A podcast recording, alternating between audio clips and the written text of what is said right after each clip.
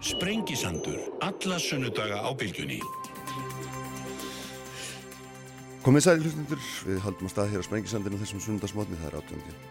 Ágúst eins og flestum nú sannlega fullkunnust umfallegu dagur hérna í höfuborginu liti láskíja og skíja hjúpur yfir eðsynni hérna sem að bendum til norrlærar áttar eins og veðurglöggir veðurglöggir vita. Nú já já, við ætlum að hérna ræða eins og Reykjavíkuborg hérna í lók þáttarins, Sigurborg Ós Karlsdóttir forma skiplasraðsverður hérna hjá mér, þeir verða hérna hjá líka Aldís Hastinsdóttir og Jón Pál Hreinsson bæjastjórar Hveragerði og Bólingavík uh, en sestir eru hjá mig Guðluð Þór Þórðarsson, utanriksráþra Lógi Einarsson formaða samfélkingarinnar, velkomni báðir. Takk. Takk. Ætlum að tæpa hérna kannski á nokkrum málum en byrjum aðeins í hérna í Vesturheimi og, og hérna þessari heimsókn bandaríska utanriksráþrans Mike Pence, Lógi, þú hérna Varafórstans Varafórstans fyrirgeðu Nú er ég búin að kalla hann utanriksráður í tvíganga, gengur nú ekki.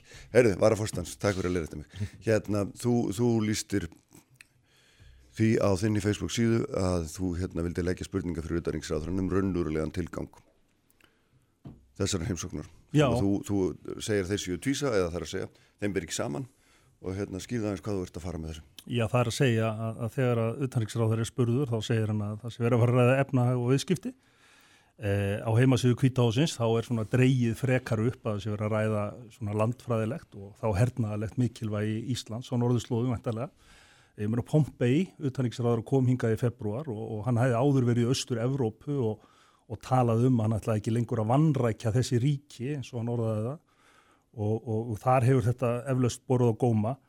Eh, mér finnst það skipta máli að ráð þeirra segja bara eh, frá því hvað raunverulega mun eiga sér stað og fyrir utanriksmálu nefnd vegna þess að við höfum verið að sjá uh, umfang upp á kemlaugklulli verið að aukast talsvert, uh, ekki bara í, í, í hérna verkum, heldur líka í fjármunum, minnisblöð sem ég hef frá 2017 í desember og núna í júli sínir það að það er tvöföldun á þeim fjármunum sem rástuðuð eru.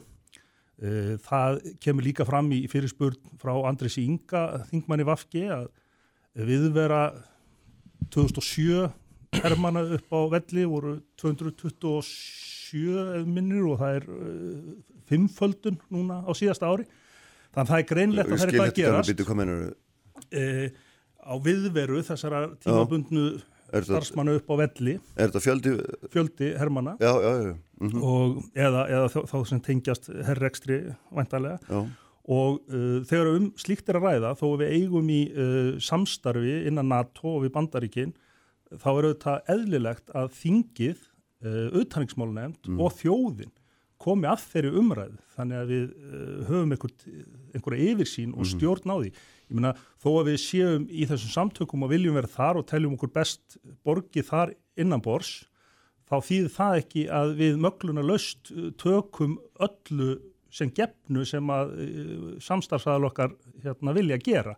Við þurfum að halda á lofti okkar sjónamöðum.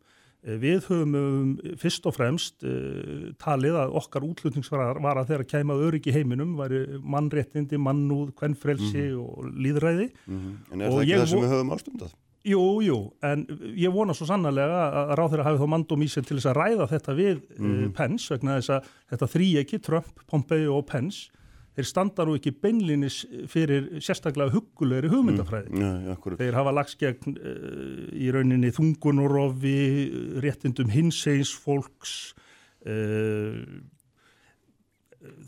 þeir, þeir, þeir draga í efa sagt, áhrif hamfara línunar, uh, hegða sem er undarlegum hættinir með Östurlöndu núna.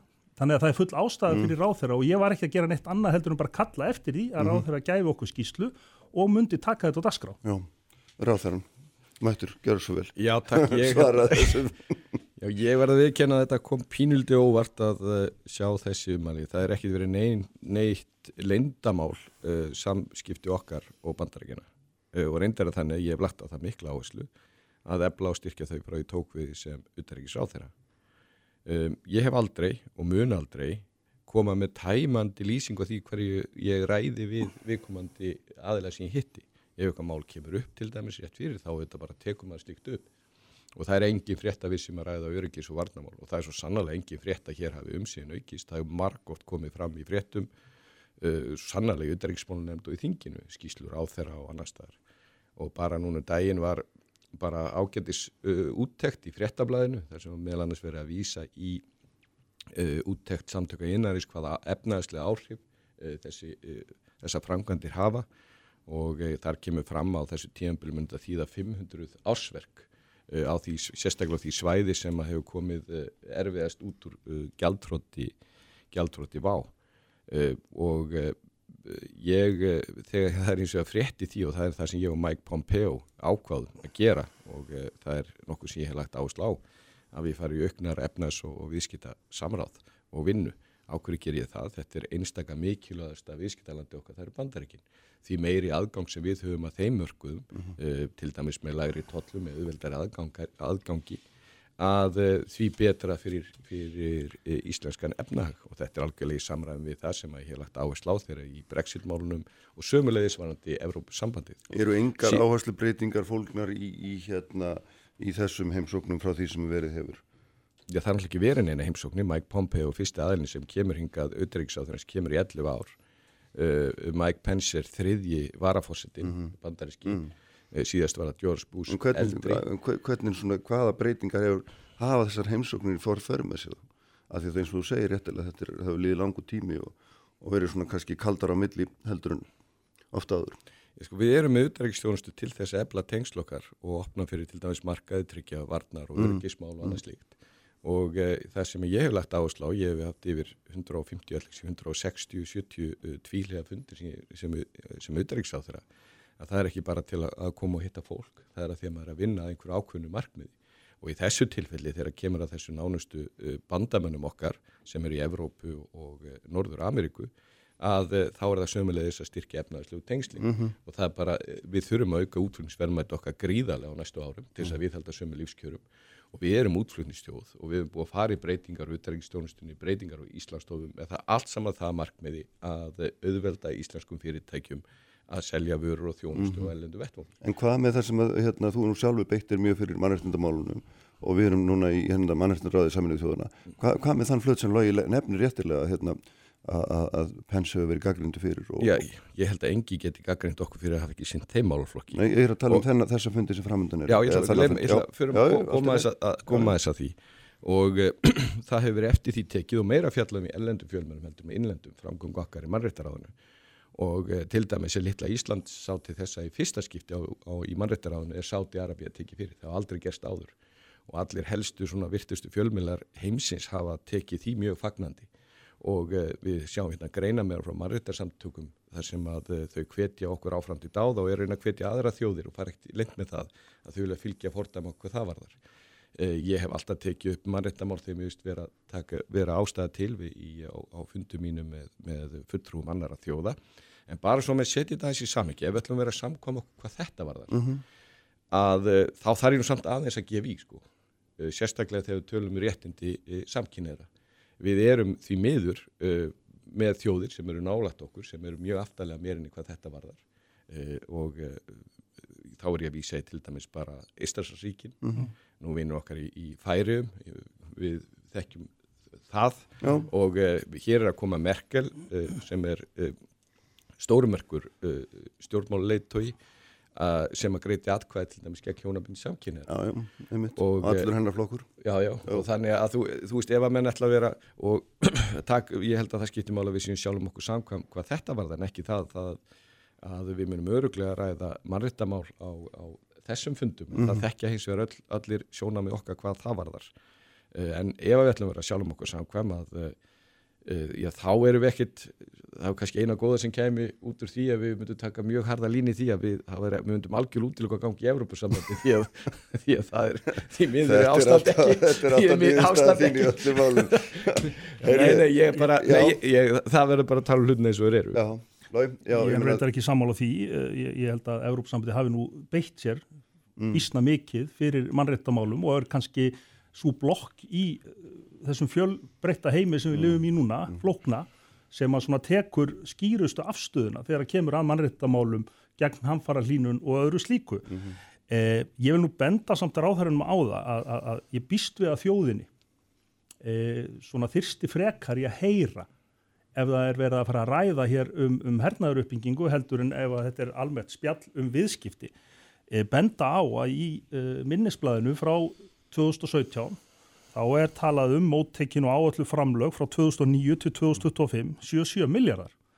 Í nýja minnisblæðinu frá júli þá er talað hins vegar um að á stittra tímabili þá séu uh, framlögin 15,8 miljardar. Það er tvöföldun. Mm -hmm. Þannig að það er alveg sjálfsagt að ræða þetta og að því að ráð þeirra kemur hér inn á uh, þau ársverk sem að falla í skaut uh, innlendu launafólki þetta skiptir atvinnustu og Íslandi máli en ég ætla að byggja ráð þeirra lengstan allra orða ekki fara að blanda saman mikið viðskiptum og uppbyggingu á hernaðamannurkjum. Mm. Ég held að það bara sé ekki sæmandi okkur. Eh, allir þeir sérfræðingar sem ég hef talað við, eh, þeir eh, eru skýrir um það að, að Pens væri ekki að koma hingað. Fyrst og fremst til þess að ræða viðskipti við lítið smáríki, viðskipti sem skiptaðu sjálf sér engum máli. Auðvitað skiptir okkur máli að eiga í góðu sambandi almennt við bandaríkin og ekki síst á sviði viðskipta. En hins vegar uh, þá verðum við að gæta að okkur í heimi sem er miklu floknari heldur en að vera uh, átök millir vestus og östus. Við erum að tala um norðurslóðir þar sem að um, þrjú stórveldi eru farin að gera sig gildandi, Rúsland, Kína og Bandaríkin. Við erum með fósetsráðara sem er talað um að uh, þetta svæði að vera herrlöst uh, og það skiptir máli að við tölum þá mm -hmm. uh, að fullri alveru um þessa mál og látum vita að við teljum að friðsamleiri lausnir séu líkleri til að skilja okkur friði heldur en aukin uh, výbúnaður og ég er ánaður með að ráþeira uh, talar um að hann muni ræða fleiri hluti vegna þess að hann þarf að tala um mannréttindi við bandaríkin mm -hmm.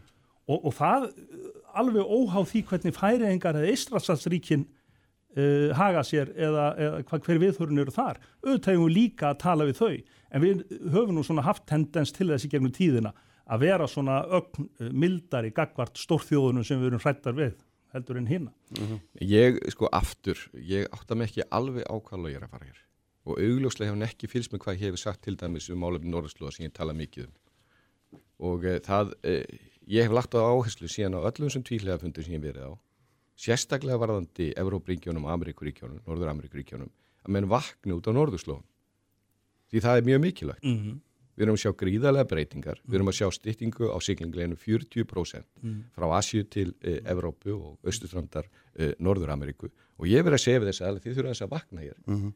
Það eru þetta bara gott kínverjar og, og rússar eru búin að vera e, með áallan í, í ára tug Já, það, og bara, það er bara þarna mjög mikilvægt að þau lönd sem við berum okkur sama við, sem eru með sömu gildi því að það sem enn hafa áhyggjur núna í heiminum er þetta að Sko við hefum byggt allt heimskerfið og menn geta þarna agnúst út í bandaríkin ástæðan fyrir því að heimskerfið eða þar er alþjóðlegu stopnani sem eru byggðar hvað sem að þá er viðskipta eða saminnið og annað slíkt, það er óumdeilt að það er, fyrst, það er undir fórustu bandaríkina og það er mjög mikilvægt að það sé verið að halda í þau gildi mm -hmm. sem haft fram til þessa. Og það sem, hafa á, já, það sem menn hafa áhyggjur af því núna En hafa ekki einmitt áhyggjur að þessum gildum akkurat núna, já, hvort þau standi Vestanhafs, það er það sem þess vegna erum við svolítið að ræða sko, þetta bandarísk stjórnmál, við getum farið og greint nei, nei, en, nei, nei, en ég menna þú getur haft allar skoðanir og hennum einstakur stjórnmálumunum þar uh, til eða frá, þeir kom og fara vegna þess að þetta er líðræði stjórnfélag mm. Og samband okkar við bandaríkin eða Breitland, eða Þískaland byggir ekki að hvaða land sem er í, byggir ekki því hver er kosin á hverjum tíma En það lítur að byggja á auðvitað ekki stefnunni sem að viðkomandi land hefur. Það sjálfsögðu.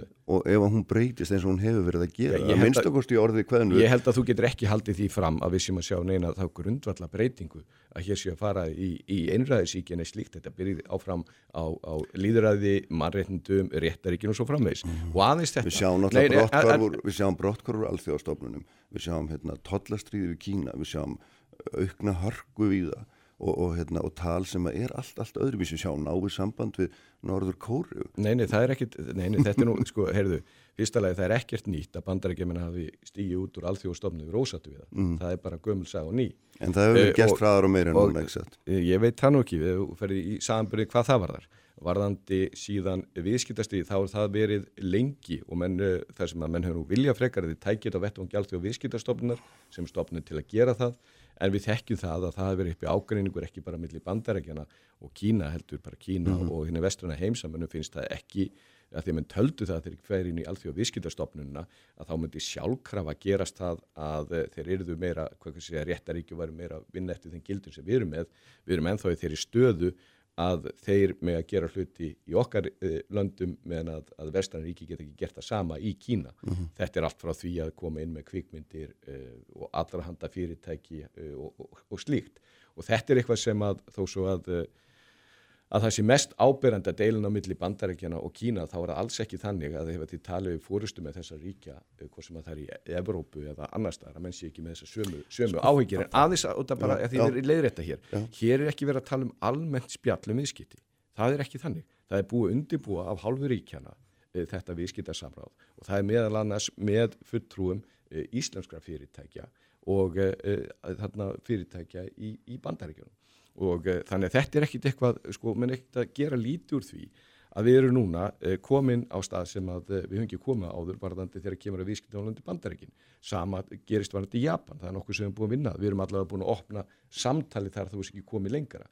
Þannig að, og það er eitthvað sem við megum ekki gleyma því að alveg sama þó að við séum sammálum það og verðum alltaf sammálum það að það er allra handa hluti sem við viljum setja fjármunni í, að þá verðum við líka afla fjármunna og við gerum það með því að selja uh, á erlendumörkuðum vöru og þjónustu. Algjörlega og auðaríkist þjónustan er til þess að íta mm. meðal annars til þess að íta undir það. og, það og það er alveg, það getur enginn komið og sagt þetta tífambil sem að uh, ég hef verið þetta sem auðaríkis á þeirra að það hefur ekki lagt áhersla á mannrétti svo það er mjög langu vegur og ég vek aðtikla á því, ég er fyrst í auðaríkis á þeirra sem áverfa mannréttar á uh, saminuð þjóðana og það ger, gerir það verkum svo framgang okkar þar að þá opnast þarna tækifæri fyrir okkur til að taka sæti og uh, ég þarf ekki að segja neitt um það, ég hveti ykkur bara til að skoða þá aðeila sem fylgjast best með því, mm -hmm. marrintarsamtök, ellendi fjölmil og annars líkt, lesið það og þá komist það þeirri niðurstöð og við getum verið mjög stolt yfir framgang okkar þar. Það er engin að sakaði um að hafa ekki e,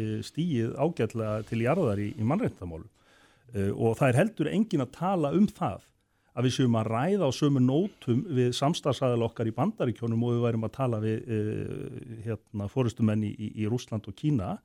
Ég er hins vegar bara að byggja um það að uh, það sé skýrt greinilega sett fram uh, umkáður rætt og að við setjum á dasgrá viðkvæm mál vegna þess að vissulega hafa bandaríkin, jú, breytt dáltið á síðustu missurum um kurs í utanriksmálum. Þau hafa sínt mjög fjandsamleg viðhorf gagvart viðkomum hópum í samfélaginu, uh, gagvart flóttamönnum sem hafa verið að uh, flýja þangað frá, frá söðrinu, þeir hafa stíið beinlinis inn í deilurnar í Brellandi. Já, en hva, hva, hvaða aflegginga finnst þér þá að þetta eigi að hafa? Ert þú að búa það að samfélgingin sé eitthvað meina að hérna, svona, endur skoða sína auðvitaðstefnu? Nei, Alls ekki. Á engan hátt. Ég held að þegar að svona valda mikill maður uh, innan stórs vinaríkis mm -hmm. sögulega Íslands að þá auðvitað uh, tökum við á móti honum og ræðu við hann en við ræðum líka við hann þá eins og jafningi mm -hmm. á þann hátt að, að, að, að uh, þó að þau séu öfluri þá eru hlutir sem snúað mannréttundum eitthvað sem við getum tala við þau um bandarækjumenn. Þannig að þetta er, auðvitaðningstefna snýst á þeim, það að þínum mati að þið bara haldið sömu stefnu, eitt fundur talar svolítið við ráðarann og segir hún til syndana þess nei, nei, og svo farið tilbaka. Nei, alls ekki, við þurfum auðvitað bara, þú veist, einhvern veginn að gera okkur gildandi og eins og ég sagði mm, áðan, mm. okkar eina útlutningsvara þegar mm. kemur að auðvitaðningsmálum, -hmm. eru þetta friðsamlegar eh, nálganir og, og hérna, ertu, og mannréttindi. Ertu í grunin á móti þessum umsumum sem eru hérna på kemlagu, finnst þér þau um of, óútskýrið, af hverju, hva, hvaðan kemur í þessu? Klárlega meiri skýringar á því eh, hvað er að breytast og hversu hratt þau eru að aukast eh, það má vel vera að eh, einhverju geti sagt að það sé styggsmunur á þessu frá mm -hmm. 7 miljardum upp í 16 miljardar mm -hmm. aðri geti sagt að það sé einhver eðlisbreyting en ég vekk aðtegla á því að fulltrúar Vafgi í auðvitaðriksmálunum, það var líka kallað eftir þessum skýringum eina sem ég er að byggja um það er að þingið og auðvitaðriksmálanemnd og þjóðunu þetta mm -hmm. fái meðvitað að fylgjast með hvernig þessi hlutur eru að breytast þannig að það sé ekki á seint og mér finnst það ekki sæmandi að fara að draga inn í þá umræðinu hvaða mögulegu vinnu við getum skaffað Mhm. fyrir Íslendinga þarna uppfram mm -hmm. vegna þess að það uh, á Ísland að geta gert á, á, á utanumkomandi hérna, aðstofar Ég held að við ættum nú Örstuðt og svo gerum við hlýjan. Já, ég held að við ættum nú ekki að fara að byggja upp hér hernaðamarki e, sjálf, við erum herrlaustjóðu og um halda því áfram. E, ég lítið þekkir um mig logið minni og heldur það að ég tala ekki við þessa kollega mína eins og, eins og jafningi, það er ég alltaf gert og mun alltaf, alltaf gera. Hvað var að mannrættamálinn?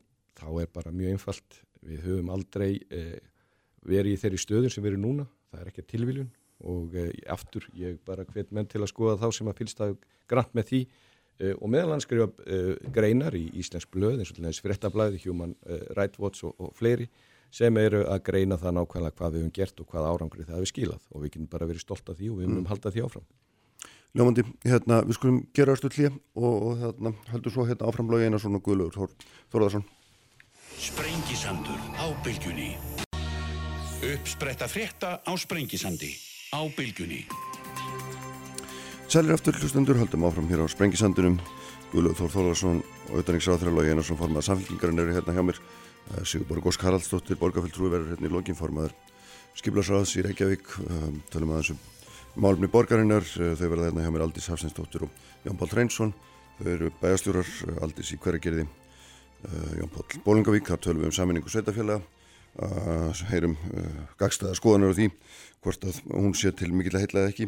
Uh, en við vorum að tala hérna um, um, um heimsók Mike Pence og, og svona reyna að leggja át af því hvort að það væri einhver, einhver tíðindi í henni sérstök svona varðandi eða einhver stefnufreyting og, og, hérna, og svona þetta er náttúrulega snýst allt um einhver staður um það hvernig við staðsetjum okkur og hvað er í heiminum og eitt af því sem hefur náttúrulega verilega áhrif á okkur og hefur svona verið í, í uppsiglingu núna í þó nokkur árið þetta útgönga breyta úr Europasambandinu og þetta var fyrir svona hálfu ári og þá hérna, tölum við mikið um þetta og þá var þetta yfirvofandi átt að gerast í mars og allir voru að handa hlaupum við að hérna, tryggja allt sem átt að tryggja. Og nú var þessi frestafnum í, í loka oktober og, og fórstisráðurinn nýju hefur sagt að hefur sagt að nú verði farið út og come what may og hafði alveg hvað gerist. Og nú spyr maður bara aftur er, hefur eitthvað brist varandi okkar stöðu? Er allir okkar hagsmunir jafntryggðir og þau taldu vera fyrir hálfa ári? Hvernig er svona staðan í þessu? Eh, Bara svona í stuttumáli að þá hefur þetta verið forgangsmál af augljósum ástæðum. Og bara við vorum ekkert að byrja í gær, við gáðum til dæmis út skýslu november 2017 þar sem þetta er allt saman greint eftir vinnu með hagsmunnaðalum þannig að þessi vinnu er búin að vera samfleitt uh, og ekki bara mikil og meiri samskipti við Breitland heldur já, ég hugsa nokkur tíman og uh, sömu leiðis á samband við önnur eftaríki og, og Evrópusambandið. Uh, við höfum alltaf gert ráð fyrir að þeir getur farið út án samnings Mm. og höfum skilgrann hverju svona stærstu ha- eh, hlutinir eru þar sem við þurfum að, að leggja áherslu á og það er fyrst og fremst þrenskunar, það eru, eru loftverðirnar eh, og eh, við gengum nú frá því fyrir síðustu uh, þingkostningar. Já. Og heldur það allt saman núna þrátt fyrir ríkistjórnarskipti og fórsættfræðarskipti og, já, já, já. sjálfsög. Og hérna, og sömu leiðis, var nætti veruflutningana, við fengjum, uh, söm, fáum sömu tolkjör uh, og það er búið að ganga frá því og sömu leiðis var nætti réttindi borgaran og þetta er nokkuð allt sem við erum búið að ganga frá. Sama hátt höfum við tekið upp inn í, inn í okkar gerðir eh, þar sem við farið gegnum ES-samningin eða sem, þarna þar sem Európa-samtu geft til þess að lámarka uh, hugsanlega skada ef að væri farið út uh, án samnings þannig að, að því reynd en með samningarna sem ég vísaði til hér að þá stöndum við betur við heldur en ESB-löndin Mhm. og síðan er hins vegar stóra málið þetta að þegar þeir uh, ef og þegar að því að þetta snýst um það að þeir fái tækifæri til þess að þeirra hálfu til þess að gera sína eigin samninga sem þeir geti ekki gert núna því að þeir eru ekki með viðskiptafrelsi og uh, það er kannski helst í uh, erfiðast fyrir mei var að rauninni að sín að fram á það að það myndi leiða til þess að þeir getur gert sína eigin samninga að maður fara þá leið sem að hún laði fyrir þingi og var aldrei samtíkt að það er að gera framtíðan djúpan framtíða samning og þar eru við að leggja upp og miklu meira heldur en bara þessi viðskiptamál og það sem við verið í, í, í grunninn í samskiptum við breytlandi gegnum EES-samningin heldur sömulegis aðra þætti sem eru mikilvægir vegna þess að þetta er okkar nágrannar og við höfum sömu strategísku hagsmunni Mm.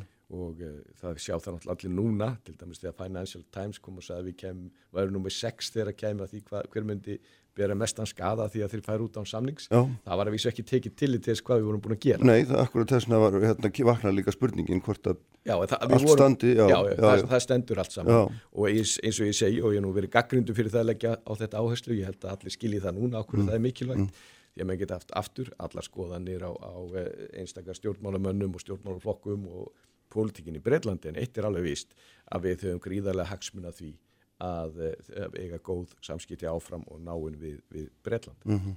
Er einhver ástæðalagi á þínum mati til þess að hafa einhver ráðgjur? Já, auðvitað eru margvíslegar ástæði til þess að hafa áhyggjur af því að, að, að hérna, það sé að gliðna milli hérna, samstöðu Evróparíkja. Eh, ég ætla nú að byrja á því að rósa í sjálfur sér embætsmönnum og, og ráðunitinu fyrir þetta ágætt vinnu til þess að búa sér Ra- ráðherranum. og ráðherranum auðvitað líka til að búa sér undir þá vinnu sem að hefur verið unnin og hún er ágætt. Mm. Ráðherran hins vegar í upphafi talaði nú svona um tækifærin sem fælust í þessu sko, hann hefur nú bakkað eins með það, þau eru náttúrulega e- engin sko. Við erum búin að gera þarna samning sem er ágættur fyrir sinn hatt og, og, og skilar okkur til dæmis uh, betri kjörum, varandi sjávarafurður og, og skýr en, en á móti þá náttúrulega getum við tapað líka forskoti vegna þess að við vorum með betri samning heldur við til dæmis norðmenn á, á, hérna, á flökuðum sjófiski. Mm þannig að það eru svona plúsar og mínusar við þetta. Ég vekk eins og var aðtikla á því að í, í morgun held ég að það hafi verið byrtist í Sunday Times uh, minnisblad sem hafi lekið úr ráðunittun þar sem að ríkstjórn í Breitlandi hafi lótið uh, skoða hvaða afleðingar það geti haft og þar er verið að draga upp eitthvað sem að er uh, talið líklegt að gerist við hard Brexit, ekki sem sagt uh, það versta sem gæti gerst -hmm. og þar er talað um eh, nokkra vikna eldsneitiskort, matarskort, öngþviti á landamærum eh, og að það sé nöðsilind að setja upp eh, hörð landamæri milli Írlands og Norður Írlands. Þannig að það er full ástæði til þess að hafa, já, áhyggjur af því sem er að gerast í heiminum. Það er auðvitað eh, mjög víða sem eru vaksandi öfgar, eh, það er kannski bakslag þegar kemur að, að hérna, frjálslindum viðhorfum og mannréttindum. Uh, og Evrópa þarf svo sannarlega á því að halda sem málsvari uh, frelsis og líðræðis í heiminum að standa sterk saman. Og ég vona innilega, þó ég sjá ekki hvernig, að þetta endi þó með því að, að, að, að uh, brettar fái aftur tækifæri til þess að, að greiða atkvæðu um samning annars vegar og að vera í Európusambunni hins vegar vegna þess að fyrri atkvæðagreisla var sannarlega ekki um neitt valkost. Augljósan. kannski aðeins út af þessu ég uh, veit ekki á hverju logi dregur það álittun að uh, það sé ekki tækifæri þegar við setjum sniðum við breytum og reyndar nú þannig að þeir sem hafa gaggriðt fyrir mig hafa síðan uh, bæ, uh, sem eru aðalega verið viðreist bæði formarn og varaformarn hafa líst í ofnbyrlu og allir geta fundið það á netinu að það séu tækifæri því. Uh, og það er bara augljóslega vegna þess að við erum ekki með til dæmis ekki með fullan aðgang tollur og svona aðganga sjávarafurinn svo dæmi séu tekið. En auðvitað er líka þegar við setjumst niður og erum að semja þessar hluti að þá fyrir okkur að þá opnast, að, opnast möguleikar. Uh, síðan er það eitt eru hvort það sé tækifæri hvort það nýtist er síðan annar mál uh, tækifærin hljóta líka félast í því og menn tala um frjálslind viðþorf að þá allavega núverandi stjórnvaldi í Breitlandi hafa lagt að mjög mikla áherslu á það og kalla það global Britain að reyna að leggja meiri áherslu á fríverslun og uh, aukinn samskipti í heiminum. Þannig að það er nú ekki það, það hljóta að vera að það er áherslu verið eitthvað sem við sem fríverslun þjóð hljótum, hljótum að fagna. Mhm. hins vegar uh, ógnarna leggja, í því og það er það sem við höfum sagt við alla aðeila frá fyrsta degi að það er verið að viðskita hindranir í Evrópu og uh, það eru mjög slæma fréttir og það er líka slæma fréttir fyrir okkur. Þannig að jafnveg þó við séum að ganga frá öllu því sem að okkur kemur við munum ekki ef að verða til dæmis viðskita hindranir milli Breitlands og Evrópu og þá kemur það niður okkur Þú ert að tala um vörur sem eru fluttar frá Íslandi og eiga að fara áfram, er það ekki inn á meilandi til dæmis? Jú, jú, og síðan alltaf líka það að þú ert þarna, en bara líka það mun uh, koma niður á efna þessa ríkja, og þetta er okkar nánustu viðskiptaríki, Breitlandi nummer tvö og síðan alltaf koma Evróparíkin þar og eftir. Og ef að það verður eitthvað högg á efnaði þar sem mun verða, ef að verða viðskipta hindranir, nú þá kemur það á okkur uh, þarna með einhverjum hætti. Þannig að uh, vonandi leiða með þetta uh, í, í jörð, en ég finn sko menn hafði nú mátt hugsa þetta meira í lausnu, nú er það þannig að það er ekki all Evrópa í Evrópa sambandinu samt gengur nú bara príðilega að eiga viðskipti á milli landa. Eh, þú er til dæmis með á milli Noregs og Svíþjór, það ertu með landamæri annar ekki er í EES og hitt er í, í ESB Eh, Sviss á landamæra fjölmörguríkjum sem eru í ESB og það gengur príðilega þannig ef það er pólitísku vilji fyrir hendi til þess að hafa frjáls viðskipt á milli þá, eh, þá er það hægt. Eh, ég hins vegar, og það er ekki okkar uh, það kemur ek- ekki okkar hlut að leysa þennan vanda, þetta eru allt saman bandamenn og vinir okkar og við skulum bara vona það að þeir nái mm. laust, það er gott bæði fyrir þau og, og, og alla og Ég er nú ekki að draga upp einhverja mynda þess ekki hægt að hérna, eiga viðskipti þvert yfir landamæri, ég er bara að benda á þá augljósu niðurstöðu sem þessi skýrsla gefur til kynna vegna þess að, að, að slík landamæri milli Norrlands, Írlands og Írlands mun geta leitt til meiri óróa á Breitlands eigum. Skotar gætu hugsa sér að fara út, uh, maður veit ekki hvað gerist í, í hérna Norður Írlandi heldur, en það sem ég á við tækifæri Eh, mér nú minnist eftir nokkrum árum þá sagði ágætis fósetsar á þeirra fyrirverandi að, að það fælust ákveðin tækifæri í loftlagsbreytingunum. Það er ótrúlega í rauninni skamsýnt að hugsa það þannig og þú getur ekki hugsa hlutin alltaf út frá hagsmunum uh, bara þíns heimilis eða, hérna, þína lóðar og, og uh, það sem ég á við að uh, mér finnst glannalegt að tala um tækifærin sem að felast í, uh, í rauninni þessu upplösnar ástandi sem er að myndast í Evrópu vegna þess að uh, þjóðir heims hafa aldrei uh, haft meiri ástæðu til þess að vinna saman og við munum ekki ráða við þær brjálaðislugu áskoranir sem við stöndum framifyrir meðal annars vegna hamfara hlínunar, fátaktar, ófriðar og fleira nema við þéttum ræðunar frekar heldur en að við förum að, að brjóta okkur upp í smæri einingar. Já, það er samt sem aður bara, mér finnst það ósangjart að leggja þetta upp með þessum hætti að segja það að eina leginn til að vinna saman í Evrópu ef að ríki er í Evrópusambandi og það stendst ekki neina skoðun heldur. Þeir sem hafa verið í fórustu í Evrópusambandi hafa verið mjög harðir á því að reyna að búa með öllum tiltengur á það með einhverju sambandsrík Evrópu. Það hugnast fólki almennt ekki og það er ekki, þýðir það ekki ef að menn vilja ekki fara þá hörðuleið að eh, þá séu menn á móti samvinnu og samstarfi. Við Íslendingar erum ekki í Evrópussambandinu og það getur enginn haldið í fram að við séum að fara fram með ófriði, leggjum ekki áherslu á mannréttindi, lofslagsmálun og svo framvegis. Uh, og, en ef menn nálgast með þeim ætti þá held ég verið vandi. Ef menn hugsa sér, sér svo, heyrðu, gott og vel, við skulum bara horfast í augu við það að samstarfi í Evrópu er mjög lagskipt. Sumríki eru í ESB, sumríki eru í EFTA, sumir í EES, sumir í NATO Uh, og uh, ég get til þess verið þeirra skoðan að mér finnist að, að þarna Norrlöndin öll ætti að vera í NATO en ég verið ákveð þeirra að gera það ekki. Þeir eru vísu nánustu samstagsík í NATO þar sé uh, þarna Finnland og, og Svíþjóð. Og ég held að það sé miklu líklegra að við náum árangri í að vinna saman standa fyrir þau gildir sem við stöndum fyrir ef við virðum þetta allar þjóðir vilja ekki vera nákvæmlega í Auð, auð, auðvitað munum við alltaf virða það og, og, og þannig verður það. Ég var að hins vegar auðvitað bara við uh, þessum svona aukna tendens til þess að hugsa hver er sjálfuð sem næstur og hugsa bara um sitt uh, heimaland sko og hérna sinn bakar. Það er bara ekki gott og við þurfum á því að halda að, að fara að hugsa meira sem eitt mannkinn. Ég held að við svo við ættum að snúi svo við þar sem að uh, þó hugsi bara um þinn bakarð að þá hlunast fyrir okkur Íslendinga að þá skiptir allt hjá samstarf öllumáli. Öllumáli. Við værum ekki hér með þennan uh, efna, uh, efnahag, við værum ekki með þessi lífsgæði ef við værum ekki alþjóðlegu samstarf, við höfum algang að, stóru mörgum, okkar markaði verið opnir, þannig að mér veist að vera uh, sikk og hliðin og sama pinn. Ég er meira að segja til viðræðu við um að við hérna skrifum grein þar sem við hérna aukum þetta samstarfa. Gæti orði ágreiningur um niðurlæð. Já, þetta var ágreiningur vorðalega eins og sagt er eitt áður með ljúku þessum kapla hérna, sko, að því við vorum að tala um hérna, viðhorf ráðamann í bandringanum áðan og við erum að tala líka um uh, tiltörulega svona breytt viðhorf í Breitlandi, mér Boris Jónsson er miklu róttækari uh, maður heldur en Theresa May og hann var alltaf mér allt annar skoðan heldur en Cameron var sem ætlaði í, í hérna, atkvæða gæðslu til þess að losna við Európa stelinu í eigin flokki en hérna, en var nú heldur svona haldt á því svelli. Ég meina, nú erum við, við tölum um pólitískan vilja, allt sem þar er pólitísku vilji, en við sjáum að hinn pólitísku vilji er ekki í átt að samvinnu og, og svona nánara samstarfi, heldur er hann frekar í átt að einhvers konar svona, Trúbu. já, eða minnstugast eða svona að, hérna, að sko, strá salt í sár, hérna, Ég kinda undir bál. Ég held að þetta sé ekki alveg rétt greining þér eða þú, eh, sko, Boris Jónsson er náttúrulega fyrst og næst frjálslindur íhalsmaður og hefur verið í stjórnmála mjög lengi og lagt áherslu á þau gildi. Deilaninn en íhalsflokksins, hún er mjög laung. Það sko ekki gleyma því að bara þegar að hérna kóla á stálabandaleið og þetta er að fara á stað á sínum tíma og menn fara sér öðnur ekki eftir. Það vegna þess að uh, breyta lögð upp með það þeir vildu ekki vera að hafa loka tollabandalag þeir vildu hafa svona svipað eins og við erum í ES þar að segja að hver, hvert ríki geti líka sami við önnur ríki en var ekki bara að loka sín í, í, í lokari viðskiptastefnu.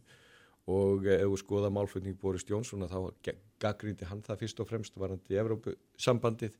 Þá á þeim tíma þegar Brexit umræðan er að þá eru þeir til dæmis varandi sammeldi þá verður Európusambandi við eitt ríki í Suður Afríku uh, þó það er búið að breytast núna sem er gott uh, þannig að uh, það, má ekki, það má ekki bara sko, menn þurfa að greina aðeins dýbra heldur mm. bara það að segja, heyrðu menn vil ekki vera í Európusambandi, þar lendi vilja ekki alþjóðlega samvinnu. Ég er ekki að segja það, ég er, ég er bara að segja menn er ekki að leita nánari samvinnu heldur frekar að fara Já, ég held að það sé ósangjart að leggja þau upp með allavega mm. núverandi stjórnvöldum í Breitlandi, menn hafa deilanhau var svo hvort að þeir getur breytt Európsambandi innan að að þeir vildu allir gera mm -hmm. það, svona allavega svona eh, helstu leittóðanir, eða hvort að það var ekki hægt og þeir þurftu að fara aðra leiðir og vinna samt sem áður þjætt og náið með Európusambandsríkjónum uh, eh, og hafa svo sannarlega lagt mikla áslá að það eru öll skílabóð sem hafa komið en þeir vildu líka vinna með afganginu með heiminum. Auðvitað heiminum að breytast alveg gríðarlega mikið og hann er búin að gera miklu meira heldur en menn átt að sjá. Eh, það er til dæmis bara það að uh, núna er, það er ekkert langt í það að, að sko, Evrópa verður 2% af, af mankinni, fyrir 100 árum að þá er þetta hvað, 20-25% af, eða 15-20% af, af mankinni og hér var auðurinn og, og, og völdin. Nú ertu til dæmis, að tala um, um millistjettina í Kína sem er fjölmennar heldur en öll Norður Amerika og við erum að sjá Indland og Ímis önnu ríki sem er að stekka alveg gríðarlega mm -hmm. þannig að þetta er ekkit að, að og, það, og með þurfum þetta að huga að uh, þessum þáttu þegar við erum að líta á þetta í heldar samiki. Ég held hins vegar að uh, það sé aldrei verið mikilvægur heldur núna að þau lönd sem eru, eru með sömu gildi og það er ekkit bara Evrópa, það eru þetta uh, þú ert með Norður Ameríku, þú ert með Eyjálfu, þú ert með Japan, Suðurkóranst þessir aðelar þurfa sem að hafa haldið upp þessi sömu gildum þau verða auðvitað að vinna mjög þjætt saman. Það er alveg rétt hjá þeirra að, að hér var Európa stærri fyrir 100 árum og, og auðurum var hér en við verðum nú að muna líka hvaðan að kom. Þess vegna höfum við skildur gagvart þeim mm. fátakari ríkjum og þróunaríkjum.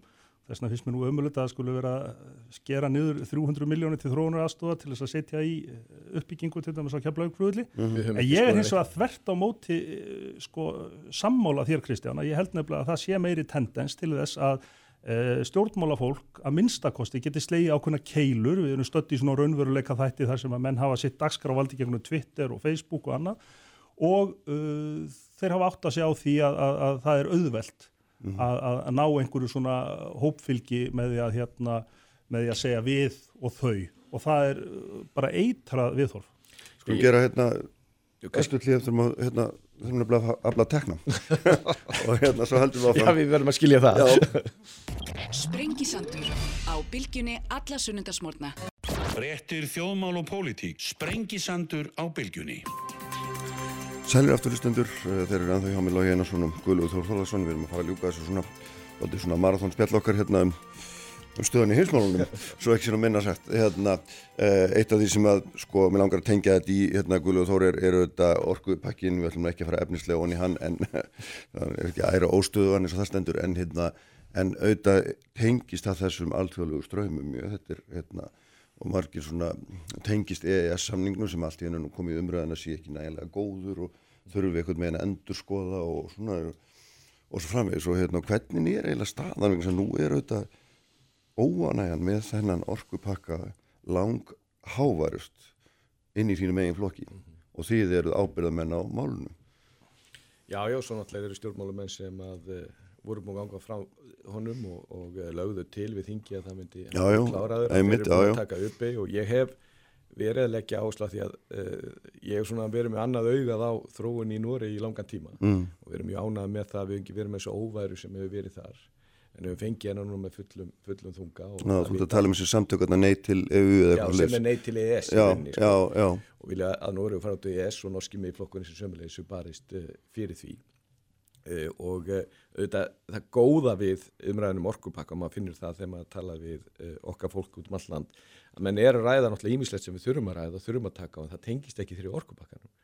Og orkumálum þurfum við að ræða, við gerðum ákveðna hluti og við tókun ákveðn það í, í öðrum orkupakkanum að ganga þannig fram að þeir dreifðu byggði borgu meira fyrir dreifinguna og ég get alveg skilið það fólk sem mjög ósátt við það en það var okkar ákveðin og við mhm. getum breytt í að við viljum gera það mm -hmm. og ég tel vona að það kom út því að við gerum það uh, síðan eru margir aðri þættir sem henn eru að ræða mm. en uh, sko en einhvers gengur svo illa sannfæri eitthvað eigið flokksfólk um að þið séu það á réttri línu Mér, það er bara það er gætt að segja hann að það gengur bara bölvanlega. Já, það er misjætti með þessi fundir hafa verið mjög góðir uh, og, en hins vegar þá hérna, uh, og ég ekki það að ég er náttúrulega búin í sjálfstafloknum síðan ég var í mentaskóla og hérna við erum nú aldrei alveg saman um alla hluti og vonandi verður aldrei. En mér finnst þessi umræða góð og það þarf að taka hana. En það þarf líka, við erum aðeins búin að gleima því hvað þessu gert fyrir okkur en síðan líka höfum við auðvitað hljómar ekkert ofsalega þarna svona spennandi pólitíst en það var eitt af fyrsta sem ég gerði því ég tók við sem ráð þeirra var að setjast á vinnu til að styrkja hagsmunargesslum hvað hvort EES við höfum aðganga 600 hópum í gegnum og vinnuhópum og, og nefndum við MES þar setjum við bara jafnfættis öðrum á fyrstu stígum en ef við erum ekki hérna nú þá er engin að geta hagsmun okkar. Mm -hmm. og núna erum við búin að, að stóra ebla það við, og sömulegis er þingið að taka enn betur á því og það vísu var var breytt fyrir nokkur, nokkur síðan. En þetta er allt vegna sem við þurfum að gæta hagsmók, það er ekkert fullkominu í heiminum ekki og eh, eittuvíst að ef við getum ekki okkar hagsmuna þá gerir það engin. Mm. En sko, hérna, ríkistjónin stöndur hún að framfyrir, ég er sérstaklega öllu heldur að bara segja hérna uh, að sem anstæðingarnar hafa sagt er bara tómdella og við haldum bara okkar striki og hérna gerum þetta bara allt eins og við ætlum að gera. Og er það í grunum ykkar niðurstöða sem nú er til dæmis líku fyrir þingloknum hérna tillagu um það að, að uh, verið færðilega hérna, þjóðaratkvæði um hugsanlega sæstri, eða þegar sæstringu verið lagður að þá hérna, verið það lagt í þjóðaratkvæði, ég meina það er ýmsar útfæslur, hvernig endar þetta? Sko það er, hérna, það er til dæmis núna eru við að setja, eða Þórtís Kolbún er komið frumar sem mm. geraði verkum að menn ætla að leggja sæstrenga þá verður það að Samþýtt þingsins, já, já, já, en hitt, þetta það, viðbót við það er raun og veru. Já, ég held að það sé bara fríðilegt. Hvað eru til að stiðja það? Já, já, ég verður. Mér heyrðist á mörgum sjálfstafnum og þeim sé nú ekki, hugnist þetta ekki? Nei, almennt er ég ekki mjög hrifin að uh, þjóra hvað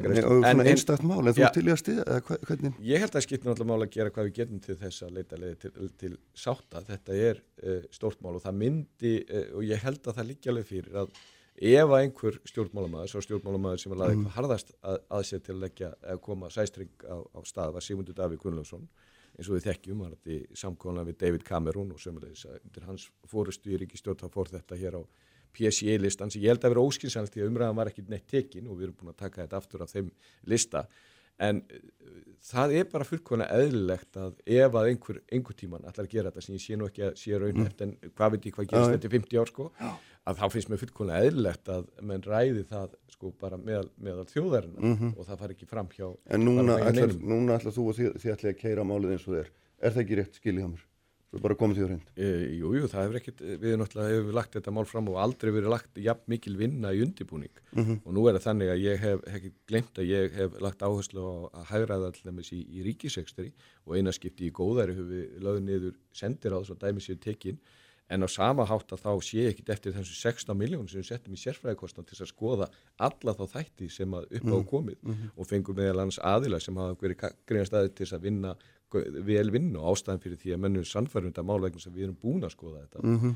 og e, það er það sama kemur upp til dæmis í umræðum í uh, og kynningum í, í auðværiksmál nefnd að þessar áhyggjur sem við erum með að uh, þetta stennst ekki, það er ekkert í þessu sem að, þarna, skildar okkur til að leggja sæstreng eða missum forræði við orkuðlindin mm -hmm. eða hækki raforkuverð, mm -hmm. þetta er bara einfallega ekki rétt Nei, og, aftur, og, aðstæðingarnir er að fara með hérna röglísu það er bara það sem þið segið aftur og aftur. Já, og óttastu við... aldrei að þessi fyrirvar fyrirgjulagi þú fara að koma á staðin en óttastu ekkit að þessi fyrirvar henni pólsku fyrirvar, þeir geta rokkið úr skaftinu hvena sem ég er. Nei, nei þeir geta það ekkit og, Þeir geta það ekki. Nei, það er, og eh, sko, sögum máli er nú bara þess aðlis að mm. þau eru flókin. Mm. og við erum með fulltrú eh, líðræði til þess að, eh, að kjósa fólk sem þarf að setja sér viljið þetta. Og svo sannarlega held ég að enginn geti haldið önum fram en að þingmenn flokksins og þingmenn stjórnaflokkana hafi sko unni þetta málins vel eins og mögulegt er mm -hmm.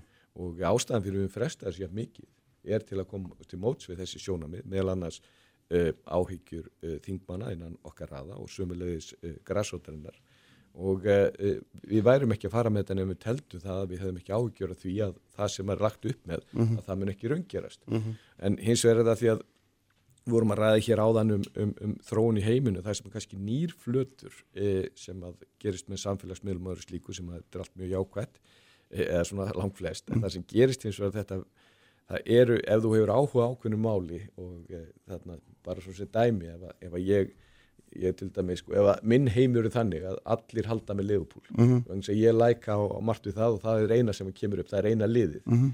og það er svona það, það er alveg verkefni fyrir okkur í stjórnmálum þar sem að förum úr því í okkar kynslu í það að bara allir horfðu á sömu fréttinnar og þetta er ekki sér íslenskt þetta er allstaðar og eh, allir voru á sama stað hvað var þetta upplýsingöfnun að þetta er hins og orðið miklu, miklu breyðara mm -hmm. uh, og uh, það er bara þetta er bara verkefni sem við þurfum að taka á til að geta tekið umræðu sem við þurfum að gera hvað sem við þessi málu önnur á uh, ja, málefnulega hættir sem mögulegt er út frá, frá staðrændum og uh, mér finnst uh, þetta mál vera svona dæmi um það, þetta er svona svolítið nýrveruleiki hvað mm, það var þar. Mm -hmm. Lógi? Já, nei, mér finnst það ánægilegt sko að í þessar umræðu þá hefur Guðluður Þór og, og, og fleiri sálstæðismenn sem að töluðu nú frekka nýður eða samningi fyrir einu ári sko komið og barist fyrir honum og talaði fyrir gæðum hans en það skiptir hann okkur gríðalögu máli þó að hann sé bara næst besti kosturinn mm -hmm. en það er með hann eins og það að fara í sambúð eigna spotn og stopna fjölskyldu mm -hmm. Að þú gefur auðvitað eftir eitthvað af þínum svona eigin ákvörðunum.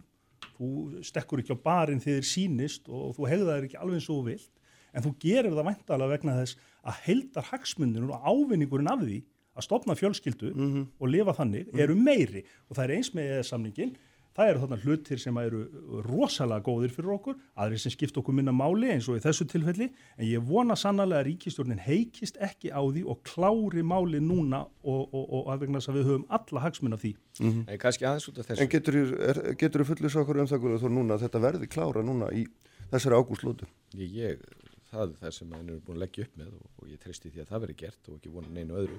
En bara út af þessu, sko, mm. lífi er ekki svart og hvít. Við vorum mjög lánsam að vera þessu stað er samningur þegar hann fer á stað á sínum tíma þá er allt annar önnu heimsmynd að því að það hafa búin undirbúið nokkuð nokku lengi. Og þar voru miklu fleiri ríki eftir þú veist með Svíþjóð og Finnland og Ísturíki mm -hmm. sem öndhaldu og auðvitað Sviss töldu enga líkur að færa nokkur til í Európa-sambandi út af því að þá varstu með kaldastriðið í, í, í gangi og þeir eru ætla að halda sem við sína uh, þarna hlutleysi stefnu. Uh, og síðan fellur tjaldið og við þekkjum, þekkjum söguna og það er þess vegna það menn nálgast að miklu meiri jafnbræðis grundvelli og þá eru, þess vegna eru við með samning þó við séum miklu færri ríki og núna það er svo út með okkar eigin eftirlistofnun okkar eigin domstól sem er til dæmis önnum æsum álega á. Valkostinir eru til dæmis eins og það sem Sviss er með sem að bara er þannig uh, sem er svona kallu Úkrænulegin sem ja. þeim er bóði núna, það annars verður að bara taka allt upp frá mm, Evrópu-sambandinu mm. ef þeir ætla að vera með á þessum innir markaði meðan að við höfum eitthvað um þau mál að segja en hins vegar er ég ekkert að slá af gaggrinni, sko, við, þetta er ekki svart eða hvít mm -hmm. og við þurfum alltaf að gæta okkar hagsmuna, þess vegna hefur við hagsmuna gæsluna og uh, þess vegna er ég með þennan málflöfn meðalans gagvart Evrópusambandinu mm -hmm. að þeir verða að virða samningin, verð, virða að tvekja stóðlaustnar og sömulegis að uh, þá eigum við að líta meira til þess að þeirra kemur að, að innleggingum bæði getur við heimauna um, betur, við höfum miklu meiri sveianleika held ég heldur að menn hafi átt að sjá en sömulegis hefur líka sem við hefum gert bent á Európa-sambandsríkin að kannanir hafa sínt, rannsóknir að til dæmis eru bara þrjú ríki sem að innleiða og framkvama í rauninni samkvæmt bókinni í ESB mm -hmm. og það er Danmörk, Svíþjóð og Finnland og það eru þetta ekkit ásettanlegt mm -hmm. en hagsmunir okkar við að vera með sömu leikreglur á þessu nánasta markmið er náttúrulega alveg gríðarlega. Mm. Það þýðir það að við getum haft hérna fyrirtæki Reykjavík sem er að keppa á Európmarkaði og það þarf ekki að flytja til Rotterdam. Mm. og þetta er ekkert lítið mál. Og þegar maður les umræðinu sem gert til þess að revja upp um EES-samningin að þá fóru við þegar voru þar, þá voru bara svona tvent, þá var sjáurundur ál, mm. núna er þetta betur fyrir orðið miklu fjölbreyttar og þjóðfélag, meðal annars út af við vorum í, erum í EES Hörru, hérna, við verðum að láta þessu lokið, Lóiminn, þú farða hérna farið að tala mér um hérna, Ég var sammála síðust orðunum. Já, ég, ég veit það, þannig að hérna, þú farið að tala mér um þetta setna Herru, takk fyrir að koma báðið tveir gamla fókur og, og fróðlegar umræður. Hérna Aldís Hafsnesdóttir og Jón Pál Hreinsson bæjastjórar uh, eh, hverjargerði og bólingavík eru hérna á réttur ögnum blik Réttir þjóðmál og pólitík Sprengisandur á bylgjunni. Já, veriði velkomin til mín eða velkomin í Síman, Aldís Hafstænsdóttir og Jón Pál Hreinsson, bæjarstjórar í Hveragerði og Bólungavík. Eh, við ætlum að ræða eins hérna þessar hugmyndur um svona saminningu sveitafélag og kannski að þess að svona reyna að spinna þann þráð sem að reyna að finna út úr hverju er eiga skila, um þeir sjá sér hagsmunni í því eru mjög fylgjandi því að sveitafélag verið stækkuð og þú eld en hinn sem eru minni en en svona þessi lámastarð, þúsund manna lámastarð þegar við setjum þeir eru mjög svona tortrygnir og finnst hérna að vera að rýfa af þeim kannski einhver ákveð, einhvern ákveðin sjálfsákurinn að rétt, einhver ákveðin svona áhrif eða völd. Jón Páll, ef ég má beða því að byrja, en þú hefur strax hérna svona að vísa því afdráttarlust að buga að, að, þú viljir að, að svona saminningar séu einhvern veginn ákveðinar með, ef ekki segja bara valdbóði á ofan.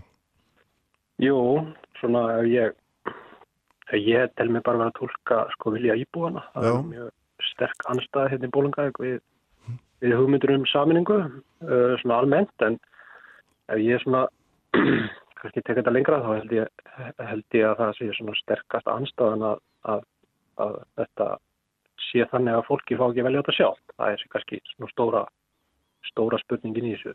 Það er sko talsverð umræða við, við tókum þetta fyrir í bæðaráðinu bara mjög flótlega þessa, þessa tilög og það var mjög svona sterk uh, sína á þetta að, að hérna, hvað sem að verður í framtíðinni þeir sem eru með samlingu eða móti hérna í bólingaðega þá, þá er mikið sterkur vilji til þess að, að við erum hérna rétt undir þessu þúsund íbúa marki að, að koma okkur yfir, yfir þetta þúsund íbúa mark þannig að við séum óháðir.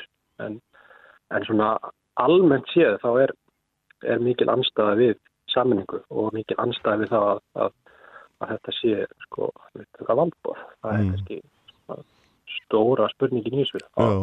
Hva, hvað segir þú við þessu aldrei? Þú, þú hefur verið hérna í þessum hóperþekki sem að setja þetta saman eða þess, þessar tilugur vannst þetta með sveita stjórnar ráðunitinu, sangung og sveitstjórnar ráðunitinu. Hverju svarar þessum svona valdbóðs, valdbóðs hérna, þessari valdbóðsgagríni eða svo maður segja?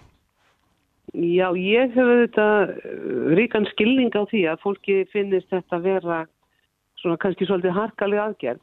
En ég held líka að ef að fólk skoðar söguna og, og sögu sveitastjórnar styggsins og hvernig það hefur þróast þá er svona sínismanni nokkuð ljóst að ef að við erum að horfa til þess að sveitafjölu verði stærri og öllur reyningar þá þarf það að gerast í stærri skriðum heldur en við höfum orðið vittni að á undanförnum árum því að sveitarfjölu hafa ekki verið að eblast með þeim hætti sem þau reynilega þurfa að gera. Því að ég held að það sé, það er mjög mikilvægt að við sveitarstjórnamenn eh, horfum yfir sviðið og, og horfum til framtíðar og horfum til þeirra þjónustu sem við þurfum að veita sem íbúar eiga rétt á og þeirra skildna sem lagðar eru á sveitarfjölu vitt og breytt um landið og, og virkilega horfum í eigin rann og, og skoðum eru örsmá sveitafjölu tilbúin til að taka sér aukinverkefni, mm. geta þau í dag sjálf og einn ráði sínum málum og sendir í þjónustu sem að íbúar vilja og gera kröfu um.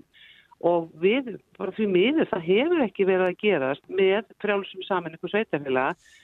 Já, það er kannski saminninga sem mjög margir telja sér nöðsynlegar. Mm. En ég vil samt eiginlega bæta við sko, því að Jón Pál var nú að tala um það er tilögur sem að bæjara hjá þeim hefur komið með.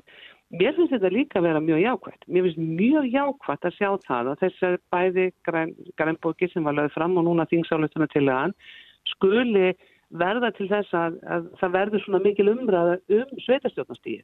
Því það er eitthvað sem er bara mjög mikilvægt að þjóðin í heilt gerir sig grein fyrir því hvernig þessu uh, stjórnsýslustíði er háttað og með hvaða hætti við sjáum það þróast í framtíðar og ef að íbúar eru svona undir, eða svona lítið undir kannski frekar, eins og mm. bólangavið mm. að þúsund íbúamarkinu þá er það bara frábært ef að þess að tilöðu verða til þess að ebla e, bara markasetningu og og þannig hug sem er í sveitafjölu og vitt og breytna landið um að stækka. Mm. Það er hérna, Jón Póllei, það er náttúrulega líkiladrið í þessu er þetta eitthvað svona þjónustustegi sem allir eiga sama rétt á að njóta um alland, alveg sama hvort er búa og fáminu staðið fjölminni með minnstúrstur svona eins og því er við komum með einhverjum skinsanlegum hætti og, og þeir sem eru undir þessu þúsundu og þar með þú og vilt ekki hérna, saminast neinum öðrum, þeir eru auðvitað svolítið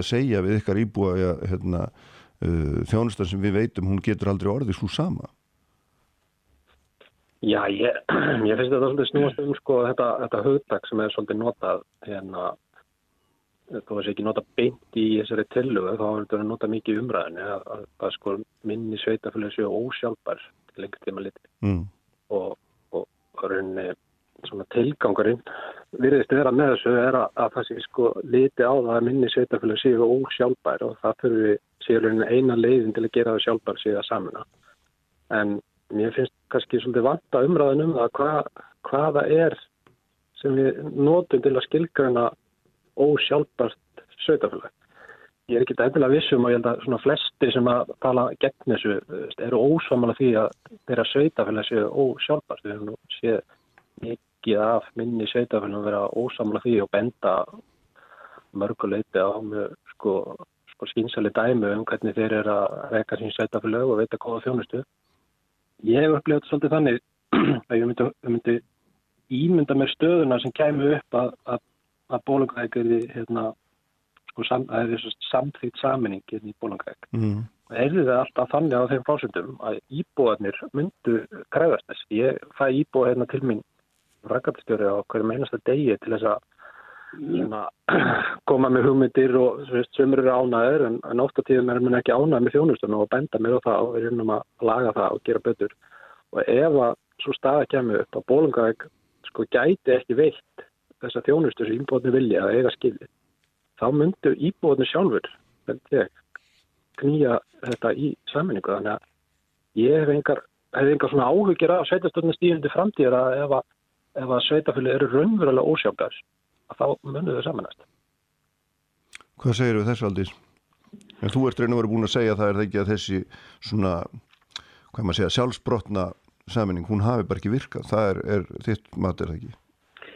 Um, auðvitað hefur sveitafjörnum fækkað mjög mikið á uh, löngum tíma. Minnir hvað voru þau ekki, þau voru 224 eða maður rétt þegar þau voru flest. Mm. 1992 voru þau 197 núna er þau 72 Já. en, þess, en þessar saminningar hafa komið náttúrulega í kjölfara saminningar átaka stærstu og ég hef svo sem ekki lagt dul á það að, eh, til, að sko yfirfæsta grunnskólas á sínu tíma hún gerða verkum að e, sveitafélag saminuðust að því þarna kom gríðastóttverkefni frá rík til sveitafélaga þegar málefni fallast fólks þegar það sá stóri málaflokkur og fluttur yfir til sveitafélaga þá tel ég að hafi grunninn verið gerða ákveði mistök með því að, að gera búa til þessi þjónustusvæði. Auðvitað var það eðlilegt að vera búin til þjónustusvæði en með því að taka ábyrðina af sveitafélagunum um það hvernig þau myndu hátta sínum málum þar og segja bara þetta er bara flutt yfir til einstaklega sveitafélaga þá mistum við á tækifærinu sem að þá hefði gefist til þessar umræðu um sammenningar sem að þessi, stóru, þessi yfirfæsla þessar stóra málflokks hefði gefið tilefni til. Mm -hmm. Það nú allavega mín skoðun. Mm. En um, ég held að það, við þurfum að stíða einhver skref. Ég hef aftur um þetta ríka, uh, ríkan skilning á því að íbúar hafa áhyggjur og fólk og sveitarstjórnamenn af því að þessi nánt muni hverfa. Og þess vegna er svo mikilvægt að það verði einhvern veginn áarpað í þessum sammenningar tilögum þegar þær fara að líta dagsins með hvaða hætti við ætlum að tryggja það að, að öll svæði, allir byggðarkjarnan innan starra, starri sveitafélaga finnist þeirra málöfnum vera synd líka. Mm. Að það sé enginn sem týnist, fallið millir skips og bryggju. Og það er svolítið skemmtilegt núna að fylgjast með því sem er að gerast á östfjörnum. Það er verið að vinna mjög stóri sammenningu á landfræðilega stóri svæði og þar eru menn að skoða með hvaða hætti hægt, hægt er að auka vægi og uh, áhrif einstakra byggðarkjarnar inn í þessu stóra tilvonandi sveitafélagi og það verður mjög fróðlegt að fylgjast með hvernig því vindur fram. Mm, en sko, dæmin eru náttúrulega kannski í hináttina, getur maður sagt, ef við segjum að það sé séu kannski fjóri-fimm kjarnar saminæðar eins og oft hefur verið gert og það er einn er að verður alltaf miðpunturinn uh, hann verður stjórnsýslu miðpunturinn og smám saman er það líka er þannig að ég held ég mjög algengt í það minnsta að þjónustan færist hanga því það er mestum að vera, það er hafkamast að vera með þjónustu fyrirtæki og svo framvegis og þá setja þeir eftir út í út í jæðrinum sem að heldu að hérna, saminingin ætti að færa þeim gullagræna sko og, og horfa upp á það að hún hefur raun og verið gert á hérna áhrifaminni og, og, hérna, og svona fært frá þeim þjónustu sem áður var á svæðin og þóttir sjálfsög. Já, þetta er það, þetta er það sem að fólk óttast, en svo getur maður alveg hort frá dæminn hinn með frá og sagt, gerist þetta ekki hvort sem er?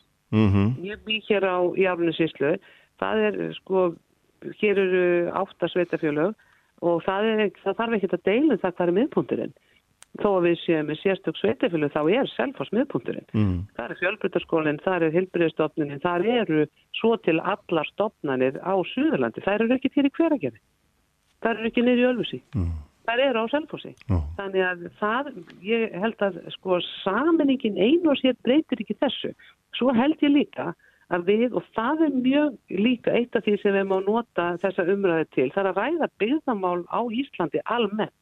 Hvernig sjáum við byggð á Íslandi þróast til lengri tíma litið?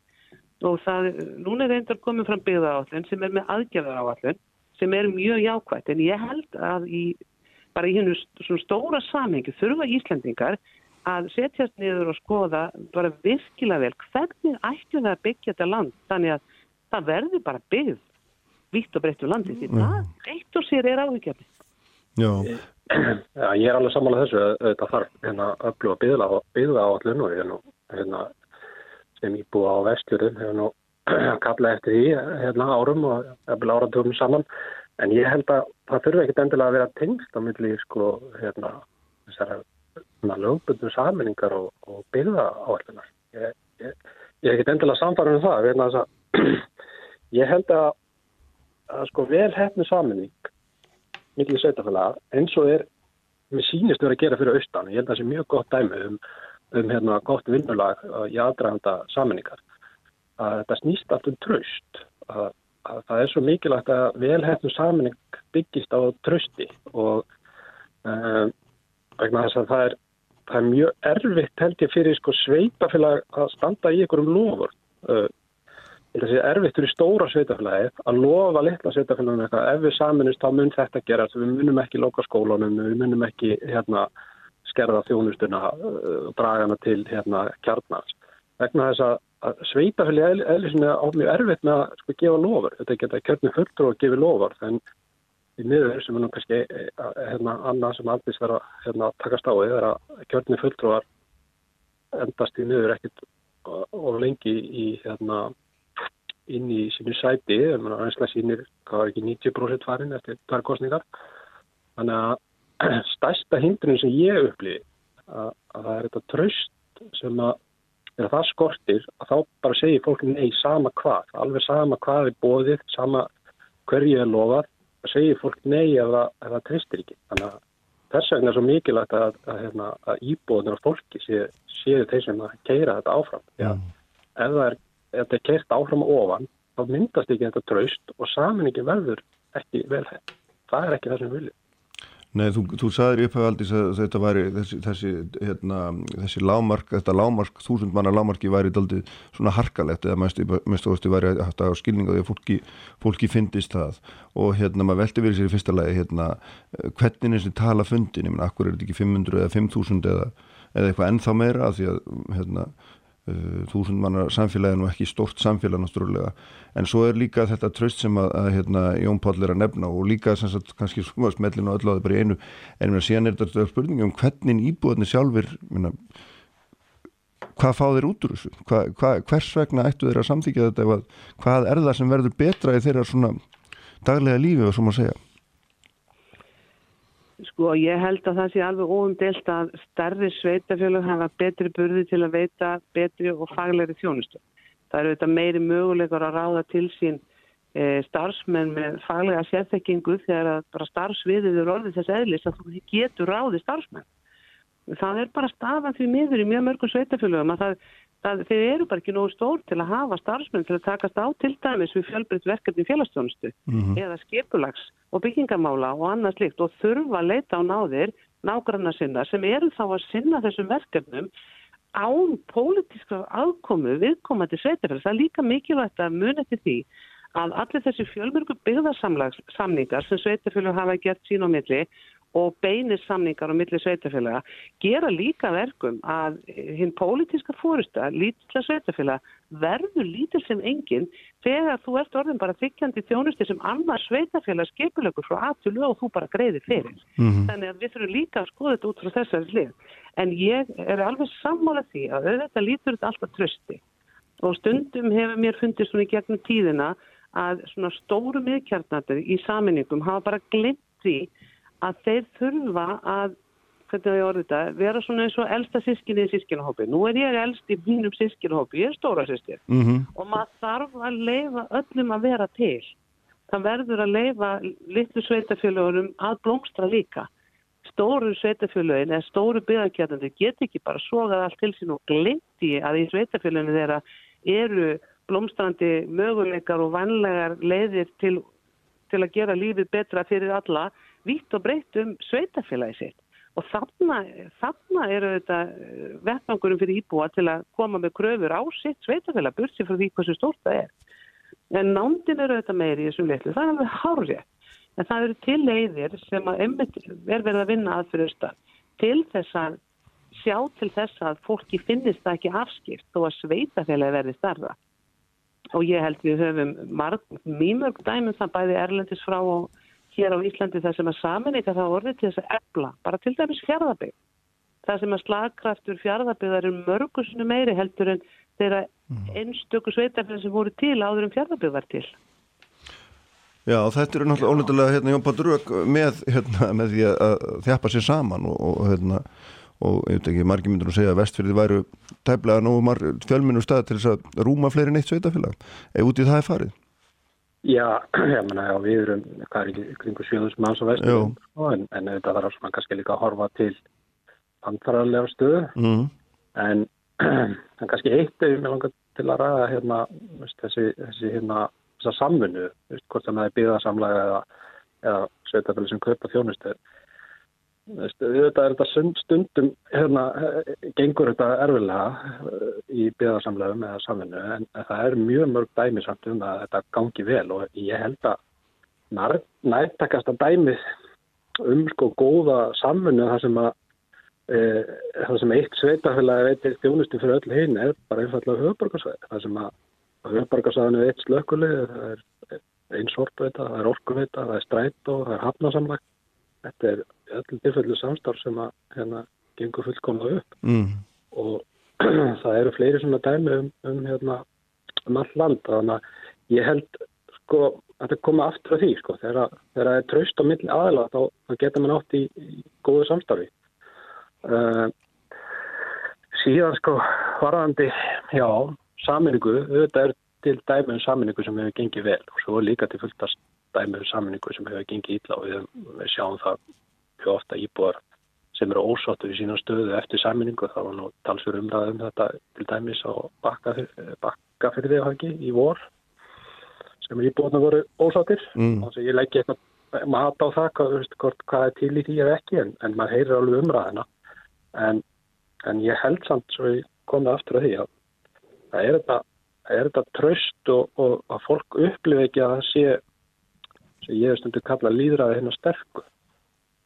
Það má ekki, að, ég held að byrja að varast að sko að vísa í þetta sem einhverja sko líðræðislega nýðustöð eða það er þessu stóru kjósa eh, eitthvað svona yfirbóð yfir þá minni. Mm -hmm. það, það finnst mér ekki, ekki sko sangjart líðræði og það er líka það sem að fer í töðanar á minni sveitafélaganum og fólku upplifir sér svolítið svona svona, svona já, lítill og það sé verið að, að hérna, taka af þeim einhvern, einhvern rétt og það, og það svona skapar þetta vantröst og óra á sem að já. kannski er ekki góðu jarðvegur fyrir þessa sammenningu. Sko. Nei, en þá aftur á móti, sko, aftur spyr maður því um, um sko, hérna, getu þína til þess að eða þína sveitafélag á þínni stærð og kannski ennþá minni til þess að sinna sko lagbundnum og nöðsulum skildum eins og gagvart bötnum, gagvart föllum, gagvart öldruðum. Ég meina, treystir þú þig til þess að standa upp og segja við getum synd öllum þeim gröfum sem að okkur er beint og við þurfum ekki á hérna, á öðrum að halda en okkur sjálfum? Ég, sko bara ítrekka það sem ég segðan, ef ég geti þetta ekki mm -hmm. þá eru það þeir sem að láta mig fyrst vita því er íbúðanir. Mm -hmm. Uh, og ég held að þessi umræða og bara skilgringin á þessu hugtaki ósjálfbart sveitafélag uh, það getur vel verið á hans að ég þekki nákvæmlega inn við einhvers einasta sveitafélags á Íslandi að það sé til sveitafélag á Íslandi sem er ósjábart senga þessari skilgreiningu en að, að skilgreiningin sé sko íbúafjöldi mm. held ég segja það var sem er það fyrstu þá kannski að fara þá bara sko einhvers konar vinnu eða einhvers konar aðra skilgreiningu á því hvað er sjálf, ósjálfbart hérna, sveitafélagt og það sé einhvers konar viðmið til þess að fara eftir. Þetta að meina að horfa frekar á tekjur eða eitthvað slíkt? Já, það getur verið ímiskonar sko. Mm. Ég, Nú er ég þessi með þægilegri stöð, ég segi bara að þetta er ekki gott svona, en kem ekki með neina lausnir. alltaf hressandi, aldrei síðan. Já, já, en það, það er auðvitað aldrei síðan tölum aðeins eh, svona í lokin um þessa tölu, hún er náttúrulega auðvitað, ég veit ekki hvaðan hún kemur, þúsund mann að tala, en hún gæti auðvitað alveg eins og verið einhver allt ekki, ég meina, hvernig er hún fundin, er þetta bara einhver random svona, eh, hvað, hvað er á bakvið hann í raun og veru? Sko, fyrst og fremst eru þess að tölur setja fram til að koma hreyfingu á þessi mál um, um sagt, eðli og eðli sveitastjóttansteg sem svo starf sveitafélaga. Það er öruglega hárétt og það, við, það hefur verið að setja fram hvaða tölur sem er og við höfum fengið það á þessum fundu sem er, hafa verið haldið með sveitastjóttamennum, byrja okkur er þetta ekki 5.000, okkur er þetta ekki 3.000, okkur er þetta mm -hmm. allt annað. Já. En málið verður líka að það verður að starta einhver staðar og það, mm. í dag eru 16 sveitafélag með undir 300 íbúa. Þess vegna kannski getur maður sagt að þessi fyrsta tala, við sko hættum ekki gleyma henni, fyrsta skrefið er að árið 2022 þá verði ekkert sveitafélag með undir 250 íbúa. Mm -hmm. Þannig að bara við það, þá er við, er við að vonast til þess að myndist umræða vitt og breytt um landið um það með hvaða hætti er skynsanlegast að ráðast í þessi skref jáfnveg strax eða síðar til þess að ná í fyrsta leið þessum 250 og öðru leið þessu 1000 íbúamarki. Svo var nú ráð þegar svo sem að líka og auðvitað að gefa undir fótið með það í gær og auðvitað allir meðvitaður um það að Ísland er landfræðilega mjög stórt land og fámenni hér er mjög mikið. Það eru þetta sérstakar aðstæðar við á og frægast að dæmi sem er alltaf tekið í umræðu með saminningu sveitafélag er árunnsreppur á stöndum. Mm -hmm. Hverju með þeirra saminast? En við höfum heldur ekki sko láta uh, sérstöfu uh, svona mjög fára einstaklega sveitafélag komið veg fyrir að við tökum umræðuna um já, stærð og hagkvæmni sveitastjórnastiksins í heilsinni mm. og ráð þegar varum við að ræða í gæra það kemur auðvitað til greina að taka til til landfræðilega aðstæðan þar sem að væri kannski bara engin eðlilegu nákvæmni að saminast já. og sumir, sum sveitafélag kannski bara þannig að, að ríkistjórnum segir bara við viljum bara halda þessu seppi uh, á lífi með þá bara sértækum aðgerðum ríkistjóknarinnar. En í grunni náttúrulega lítur þetta alltaf að snúast ekki um stærði eða, eða, eða landtræði heldur um þjónustu výbúin og það lítur að vera það sem að á endanum ræður alltaf hérna, öllum ákvarðunum er það ekki, það er svona loka spurning. Og ég held nefnilega að þegar það hefur verið sko, þegar það hefur verið gefið kannanur um það með hvað hætti fólk almennt lítur á sveitafélag og mjög, mjög margir og kannski yngri kynsluðan ekki síst. Og hún segir bara sveitafélag ég veit nú alltaf ekki hvað sveitafélag ég bý sko. Og ég vil bara fá þjónustu og núna til dæmis með aukinni stafrætni tækni og rafrænum lausnum þá er þetta er þetta, er þetta bara að sykla inn í nýja tíma sem að gefa sveitafélagum tækifæra á þjónustu á íbúa með allt verum hætti heldur við hinga til þau um þekk mm. og sveitastjórnastýr þarf bara að taka þátt í þessari þróun Og þetta, þessar tilhör, hvort við hefum sett frá 250.000, 5.000 eða hvaða er, það er bara mikilvægt að þessi umræða fara á stað og það séu stígin skref sem til framtíðar sem eru skinsamlega. Þannig að ég held að, og ég fagnar því bara mjög hvað þessar tilhör fá mikla umfjöllun og umræðu, vitt og breytt um landið og ég hlakka bara til aukalandstíksins sem sambandið hefur búið til 7. september þar sem sveitastjóðumenn ætla að ræða þessa mm. tilhör. Ljómandi, hérna, við hérna verðum að halda áfram setna þakka ykkur báðum fyrir að vera fyrir að vera með í dag. Og hérna, Jón, þú hérna farið að skýra þín sjóna með betur síðar.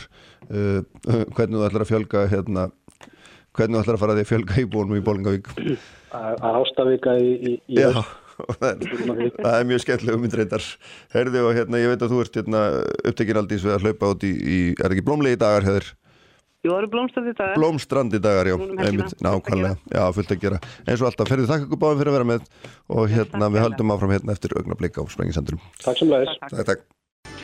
Uppspretta frétta á Sprengisandi. Á bylgunni. Sæli hlustendur höldum áfram hérna á Sprengisandunum. Þau eru farin frá mér Aldís Hafstinsdóttir og Jón Pál Treinsson. Vorum þar að ræða samningu sveitafélag og nú ætlum við að reynda að ræða líka eins og sveitafélag. Það er eins í öðru samningi. Það er stærsta sveitafélagi á landinu, Reykjavík og Borg, uh, hérna sem án reyndar afmæli í dag. Uh, 233 ára. Ég vona mig skjállis nú ekki í þessu mati hjá mér Sigurborg Ósk Haraldsdóttir, borgarfulltrúi, forma skipilarsás, velkomin. Takk, takk. Hérna, sko, ég veit að það er auðvitað hundlegilegt að svara fyrir svona gaggrinninsmálum, ég sko maður aðeins byrja á þessu hverfiskotumálum, Já, því að þar hefur verið hérna mikil óvana meðal sérstaklega þeirra sem að reyka fyrirtæki við þá götu og svona nágrunnu og þetta líka kannski meðal almenns við þessum framkvæmdum standa lengi og er ítla kynntar og, og svo framvegis, ég minna og er þetta ekki bara alltaf svona réttmætt gaggrinni? að vissu leiti, jú, Já. þá get ég tekið undir hana. Það er að segja að, að við þurfum klálega að bæta okkur og það sást í þessari framkvæmd að Já, varðandi upplýsingagjöfina Mhm. að veita upplýsingar fyrr, miklu fyrr, því við erum svo sannlega færum að gera það því að, að það er búið að taka ákunnum þessa framkvæmd uh, að sjálfsögðu í vetur. mm, Þannig, þannig virkar í rauninni kerfið. Sko. En það sem að gerðist síðan við hverfiskötu var að, verslunar eh, veitingahúsa eigundir voru að fá tilkynningu alltaf þrem dögum áður en að, framkvæmdi byrjaði Já. og það samtla sér það hver maður og það gengur ekki. hvers vegna?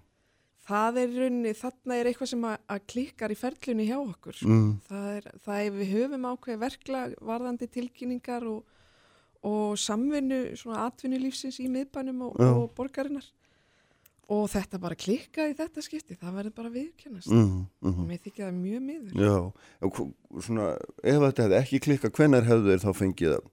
Er þetta einhverju mánuður sem henn er vittir? Já, þá erum við að tala um viku og mánuði og Já. þá erum við að tala um að það er rauninni svona ákveðinni samráðsfundir um hvernig við kynnum lókunna Mm, og, og það sem var, var gert í þessu tilviki, það voru sett upp skilti, það er alltaf svo, göngulegum þetta er opnum. um svo seint, þessi skilti komu upp löngu eftir, Já, að, þau, já, eftir að framkvæmdin er hafin, já, ekki satt? Ég meina það er það bara allt sem að fer úrskis, það er ekki bara eitthvað svona upplýsingagjöf með tölubósti, heldur bara í grunninn, allt kynningaferlið er misfest. Já, sko ekki allt kynningaferli því að sjálfsög við sendum út fréttatilkynningu Mm. á fjölmiðla til þess að láta vita lokun og það fer þá fyrir augum almennings, það skiptir mjög miklu máli og svo náttúrulega sendt tilkynning á uh, vestlunum eigundir, þessu tilviki of seint og það eru gerðið þessi skilti og það er unni markvist með að halda göngulegum opnum og, Mm. og allt þetta en hins vegar uh, hefði mátt gera þetta betur því að við Borgin hefur sjálfsög gríðilega mikla reynslu af svona framkvæmdum og, og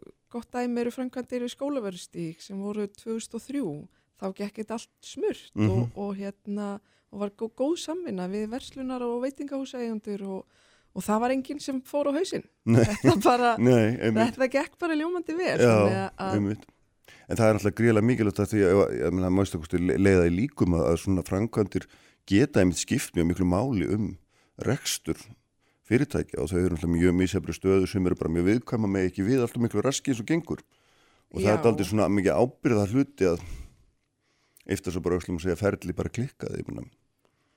Það er ábyrðar hluti að taka ábyrð, Já, svo sannarlega. já, og við tökum fulla ábyrð á þessu en það er ekki bara einn þáttur sem segir til um það hvort að fyrirtæki Nei, eða veitingastæður uh, getur haldið áfram rekstri eða Nei. ekki. Nei, og það er mjög mikilvægt að halda hér í svona ákveði heildar samhengi uh, fyrir sko lítil og meðal stór fyrirtæki í landinu í því að þetta er ekki eitthvað sem á bara við um miðbæin. Í miðbænum er almennt mjög gott rekstrar umhverfi Mhm. og þanga sækja fyrirtæki.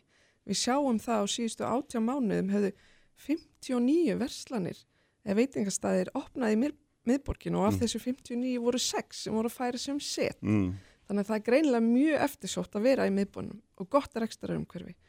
En hins vegar held ég að við þurfum að ræða í stærra samhengi og fá fleiri aðila að borðinu til þess að tala um rekstrar umhverfi lítilla og meðalstóra fyrirtækja í landinu mm, og þar þurfa sveitafjölaugin, ríkið, atvinnulífið og verkalýsrefingin að koma saman og sjá hvað við getum gert Mhm. til þess að- láta þetta allt virka því við viljum svo sannarlega, Mhm. nummer 1, 2 og 3 að fólk hafi góð laun og þá þurfum við að sjá hvað þurfum við að gera með fyrirtækjanum og hennu ofinbera til þess að þetta virkin á allt saman. Þannig að þú ert að segja það að því að við vitum að laun verður náttúrulega ekki lækkuð og það sá kostnað Mhm. lítur að vera eh, frekar vaksandi heldur en hitt ef við viljum lifa í svona góðu velferðarsamfélagi. En á móti Algjörlega. getum við lækka gjöld, ekki satt, Mhm. gjöld. Algjörlega. Ertu þá að segja okkur að Reykjavík borsi tilbúin til þess? Við erum búin að tilkynna, við ætlum að lækka fastegninskatta á atvinnuhúsnaði á þessu kjörtímabili Mm og ég tel að það sé eitt af þeim skrefum sem að sveitafjölu geta gert til þess að styðja við uh, atvinnulífi. mm, við erum að lækka úr 0,65 í 0,60 Mm og það munar nú ansi miklu fyrir fyrirtæki miðbænum vegna þessa að það er eitt er álagningaprósentan sem að sveitafjölun leggja á og hitt er hvernig uh, fastegnaskatturinn er reiknar. Það er að segja ákveðin reikni regla sem að hagstofan stiðst við og hún tekur inn í verðmæti fastegnar og, og marga, marga þætti sem að gera það verkum að, að í miðbænum er hæstu skattanir innheimtir Já. og það er vegna reiknireglunar Já, sem að hefur verið talsvert gaggrind og mér finnst allt í lagi að ræða hvernig viljum við reikna þetta út. Mm -hmm, Sko það er, hérna, ef við vikjum okkur aðeins að þessu sko, hverju skutin sem eitthvað svona dæmi að, að sko, hérna, eins og, þið, eins og þú segir réttilega, sko, borgin hefur mjög mikla reynslega og allir verktakarnir sem að vinna við þetta hafa mjög mikla reynslega þessu líka. Og já, já, myndir, þú hristir hausin, er það ekki þannig? Ég held að sé misjönd eftir verktökum hvað þeir hafa mikla reynslu. En er borgin að semja við óreynda verktaka þá? Við höfum mjög skýra reglur uh, við hverja við semjum Mm. og þeir eru, þær eru algjörlega ófrávíkjanlega viðmið Mhm. hvað það varðar og, að það eru bara mjög stífar innkaupareglur. Um, hins vegar hafa verktakar mis uh, mikla reynslu að sjálfsögðu Mhm. af svona framkvæmdum og ég held að í þessu, þessu einstakadæmi þá hefði við kannski geta unnið betur saman og það skorti svona, það sást til dæmis þegar tekið var viðtal bæði við verktaka og svo verslunegjundur Mm. á borgina að þarna skorti eitthvað samtala á Já, milli og já. það er ekki nóg gott. nei, nei. Og, og það sem að maður hefur líka reykið sjá hjá fyrirtækjandum er reykið sjá eða heyrt á segja er það að þeim finnst þeir mæta kulda, skeitingaleysi og ég meina Ásmundur Helgarsson sem að hérna, reyku gráa köttin sagðist að skrifaði tölvupúst og þú er aldrei svarað á hann Mikið rétt, og er það satt? það er satt. Já, Mér þykir það mjög leitt, Já. ég fæ mun fleiri tölvupósta en mér tekst að komast yfir. Já, einmitt. Og ég hafði ekki svarað hann ég hins vegar uh, hérna, hann sendi mér aftur tölvupóst í gær og ég gætt svara því. Þannig að, að það er nú allt gott að blessa en, en hérna en já, það er en hann á að sjálfsögða að fá öll sín svör frá borginni og, frá eftir einhverjum formlegum leiðum Já, ekki og satt, sjálfsögðu, þú ætti ekkert að þurfa að senda sá sem stýri ráðum og nefndum með að þú ætti ekkert að þurfa að senda ráðherra tölvupóst til þess að fá svar við einhver. Nei. Þetta er alveg eins e, í borginni, sko. Þannig að það, það, er, þeir, það er ekki bara ferlarnir í kynningaverkefninu sem að hafa misfarist, heldur er þá líka svörunin við fyrirspurnum þegar þær fara að berast, að þær virkar ekki heldur. Já, það virkar, menn fá svar, en Já, það er... greinlega eftir dúkotisk. Já, en hérna, sko, já, það er alveg satt og rétt, en við skulum samt passa okkur að mála Mm. ekki of svarta mynd því þetta er að sjálfsögðu ein framkvæmd af 150 Já, í ár. Borgin er að fjárfesta fyrir 20 miljardar í uh, fjárfestingu í svona Mhm. verkefnum og það er fyrir utan þessi hefðbundi viðhaldsverkefni og það eru 150 verkefni um alla borg. Þannig að það er náttúrulega gríðarlega mikið sam, uh, samráð og samstarf sem má sér Mhm. stað í öllum þessum verkefnum. Þannig að en er þetta, er, þú ætlar að segja mér þetta sé einangra dæmi, eða hvað? ég held að já, þetta verkefni er einangra dæmi. Mm. Þannig að það er ekki fleiri, hérna, fleiri óanaður sem býða einhver staðar. Jú, að sjálfsögðu, það er allstaðar Mm. hérna, einhverju sem eru óanæðir og einhver, eitthvað Mm. sem getum gert betur, engin spurning. já. Það eru fleiri götur í miðbænum sem eru í framkvæmdum, uh, þannig að, þannig að já. Mm, hvað, hvað ætlið þið að gera með svona þessa, hvað maður segja, þessa vitningsku þegar maður- þegar þau sapna saman í þessu máli til þess að svona bæta þjónustuna? Já, setjast niður og bæta ferilinn, alveg nummer 1, 2, 3, Já. upplýsingagjöfina Já.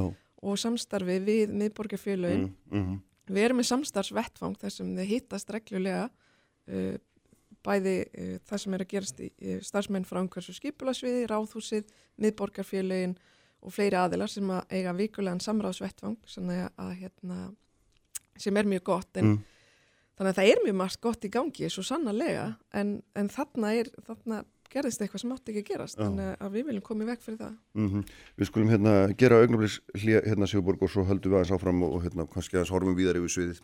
Sprengisandur á bylgjunni Sæli hlustendur aftur, við erum hérna á loka-loka spettinum á Sprengisandinum í dag. Sigurborg Ósk Haraldsdóttir, formaður skiplas Ráðs Reykjavíkuborgar nefndar, er það ekki? Skiplas nefndar. Rás, Ráðs, já, þetta var rétt í upphæfi, er hérna þá hjá mér. Uh, Skulum skulum við aðeins taka kannski nefið upp úr skurðunum og horfa all heiminn, það er svona, það er náttúrulega uh, hérna, einhver svona framkvæmdir eitt en svo er bara náttúrulega gríðaleg þróun í miðborg Reykjavíkur. Það er gríðaleg uppbygging og hérna, Uh, það er ekki lóastór blettur þar sem ekki sést krani og hérna, húsarísa og svo framvegis og, og, svona, og það er svona fráðlegt fannst mér að, sko, aðeins að skoða þetta því samingi að uh, borgin vildi stýra allir um hóteluppbyggingu, vildi hérna ekki, ekki að hún var í hömlulegs nú ser maður að veitingastæði, eigendur segja margir að búið heimil alltaf marga veitingastæði og svona bara áhverst að spyrja þér sko, hvernig svona þín sýnir á þetta og, og að hvað miklu leiti á sko eiga yfirvöld að reyna einhvern veginn að stjórna uppbyggingu. Getaðu það, eigaðu að reyna það? Já, ég held að- þau eigi að gera það vissuleiti en vissuleiti ekki. Það er svona ákveðin meðalvegur sem Mm. að, að við þurfum að fara þarna. Það er ákveðin þættir sem við viljum halda í og þess vegna settum við til dæmis þak á hóteluppbyggingu.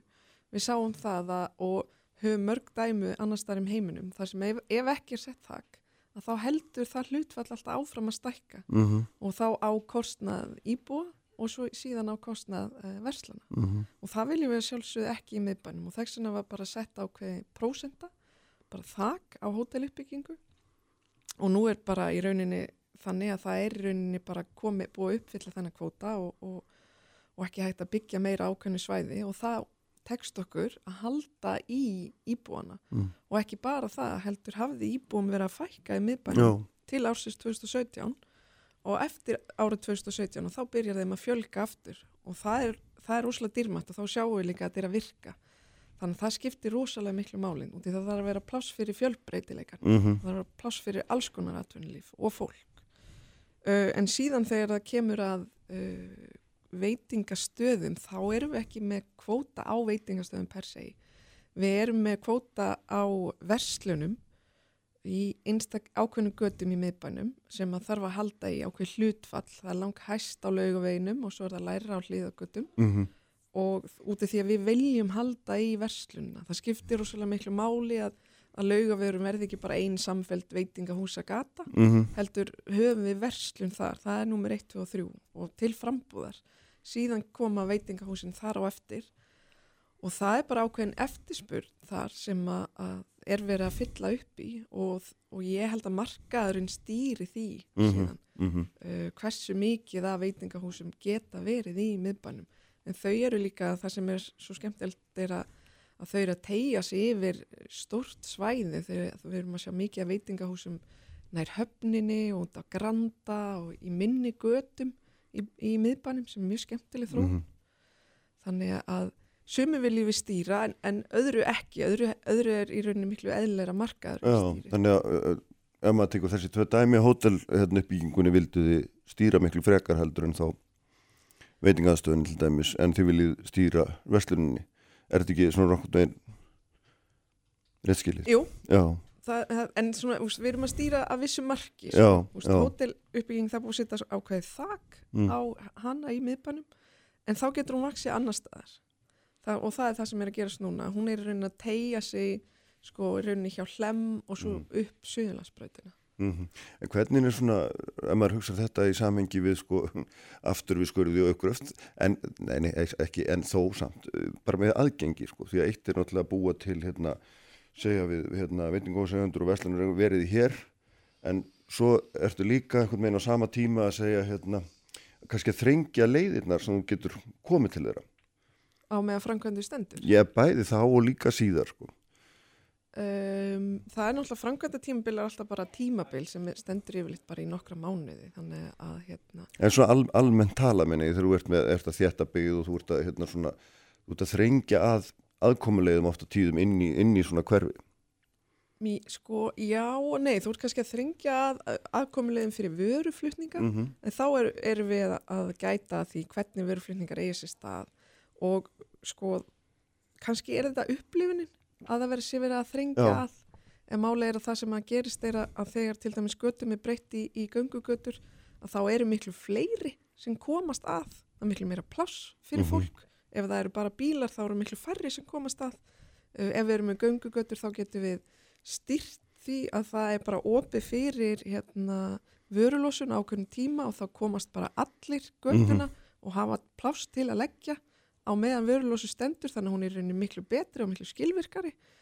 Uh, þannig að og þegar er verið að þetta byggða þá eru við sjálfsög skapa miklu betri grundvöll, rekstra grundvöll þannig Mm. að kannski er þetta bara svona meira upplifuna tengt heldur en í já. sko. Finnst þér svona þessi, þessi mikla uppbygging sem hún er, er finnst þér því að hafa svona goða yfirsýnir hún sé á réttri leið og svona fari hverki fram úr sér? Já, svo sannlega. Ég held að hún sé á mjög góðri leið og hérna og við sjáum það. Það náttúrulega er eh, ákveðin uppbygging í gangi núna í miðbænum. Sumu er lokið af uppbyggingu sem fór á staði miðbænum og annað er svona að hefjast eða klárast. Það er að sjálfsög ekki endalst þetta að byggja í miðbænum því Nei. við sjáum síðan að hún er og verður í framtíðinni miklu meira í tengslum við það sem eru góðar almenningssamgöngur. Og hún er að fara að tegja sig í rauninni meira þar sem við sjáum eins og til dæmis í kringum valsvæðið og HR uh, og 102 í rauninni postnúmerið, skerjafjörðurinn allt þetta, þetta er allt í tengslum við, uh, fyrir utan kannski skerjafjörðin tengslum við fyrsta áfanga borgarlínu Mm -hmm. Þa, þangað erum við í raun að vera að beina allri uppbyggingu í dag í tengslum við fyrsta áfanga borgarlínu og það er, það, það er alveg heljarinnar svæði í raun að vera alveg frá ártúnshöfða sem er hvað stærsta uppbyggingasvæði og svo vogabygðin sem kemur hún niður Suðlandsbrautina og tengist á skeifunni sem Mm. er uh, mjög flottir uppbyggingamöguleika þar og síðan áfram og alveg niður á hlem, niður lækjatorki og síðan fer hún það er náttúrulega ekki alveg búið að nekla niður en hún fer svona eftir tjörninni og Já. tengist þá við Háskóla Íslands sem er aftur, þar Mm. eru fullt af möguleikum BSI sem er vonandi að fara að stað sem stór, stór umferðarmiðstöð og, og mikil uppbygging þar, Mhm. landspítalan og svo niður nautólsvegin og tengist svo HR og svo yfir á Kársnesi. Þannig að þetta, hérna, þetta verður gjörbreytt borg, hún er að verða, hún er að breytast gríðarlega. Hún er að breytast mikið. Já, og hérna, og, og svona fá allt annað þetta, þetta fingirða yfirbræð sem að Reykjavík, gamla Reykjavík, eitthvað með einn svona státaða, þetta, þessi fingirðu litlu hús í mörgu litónum og svona, þessi, daldið, þessi andi er svolítið að hverfa. Já, kannski litli hús, því að þau geta sjálfsög, við getum ekki haft lítil hús uppi góður almenningssamgöngur ef við ætlum að hafa mikið fólki nei, sem á að nei, en nota þetta er einhver ákvörunum almenningssamgöngunar. að breytum svipmót, ekki satt? Jú, en ég held nú að svo ákvörun hann tekin fyrir ansi löngu síðan. Um, en það sem að við erum að gera núna, það er að halda í fjölbreytileikan og við erum að setja rosalega mikla hvaðir á byggingar að þær þurfa að vera, þær þurfa að vera fjölbreyttar, þær Mm. fjölbreytta framhliðar, lifandi eh, jarðhæðir og svo framvegis og svo framvegis. Þannig að við viljum ná í þetta fingerða Mm, og viljum ná í þess að jákvæði og góðu upplifun Mhm. og hana mannlega kvarða. mm, Þó svo að húsin geti kannski ekki verið lítil. mm. Það er svona það sem að, það er algjörlega stefnan sko. Og vonandi það. Þannig að, að því við vorum að tala um svona stýriða uppbyggingu, þannig að hún er stýrið að þessu leitinu líka. Að þá. þessu leitinu, já. Já, En aftur á móti eru náttúrulega byggingana rísa herra, já. þannig að þú ert að fá miklu meira fyrir hvert reyt fyrir sig Mm og þessum teljum okkur geta sett þessa kröfur á og þær eru að sjálfsögðu alltaf fyrir almenning, fyrir hinn almenna borgara til þess að gera umhverfi hans betra og Mhm. borgin okkar eftirsóknarverðari. En hvað, hvað með hugtak sem að menn nota, nú er alltaf lítil tími í þetta en ég ætla samt að kasta þig. Hérna, þetta, menn nota þetta hugtak staðarandi, Hilmar Þór Björnsson arkitekt hefur mikið talað um þetta og hérna skrifa mikið um þetta og talað um þetta. Mhm. Einhvern staðaranda þar sem sé byggt og þróað einhverjum anda sem fyrir er en ekki þvert á hann. Mhm. Hann er rosalega mikilvægur og Já. skiptir öllu máli og, og við þurfum að skinja staðaranda til þess að geta tekið og haldið honum og byggt á honum. Það skiptir öllu máli. Hins vegar getur alveg verið bíl á milli kynnslóða hvernig sá staðarandi er tólkaður, Mm -hmm. bíl á milli einstaklinga. En það er engin spurninga að þau verkefni þar sem að texta halda í ákveðin anda, hver svo sem sá andi er, í skeifinu getur að vera að halda í ákveði yðnaðar útlitt í miðbænum getur að vera að halda í ákveðin fínleika og í litum. Mm Hver svo sem sá staðarandi er að þá er það alltaf meira, uh, það er alltaf betra verkefni ef að það tekst. Ljómandi, Sigurborg, takk fyrir að koma, gott að fá þig og hérna verðum að láta sprengisandinu lokið í dag, allt efnir á bilgem.is og vísi.is eins og æfilega Ívar Jóhann Haldarsson stýrði útsendingunni, sjálfur með ykkur hér aftur eftir viku, verðið sæl.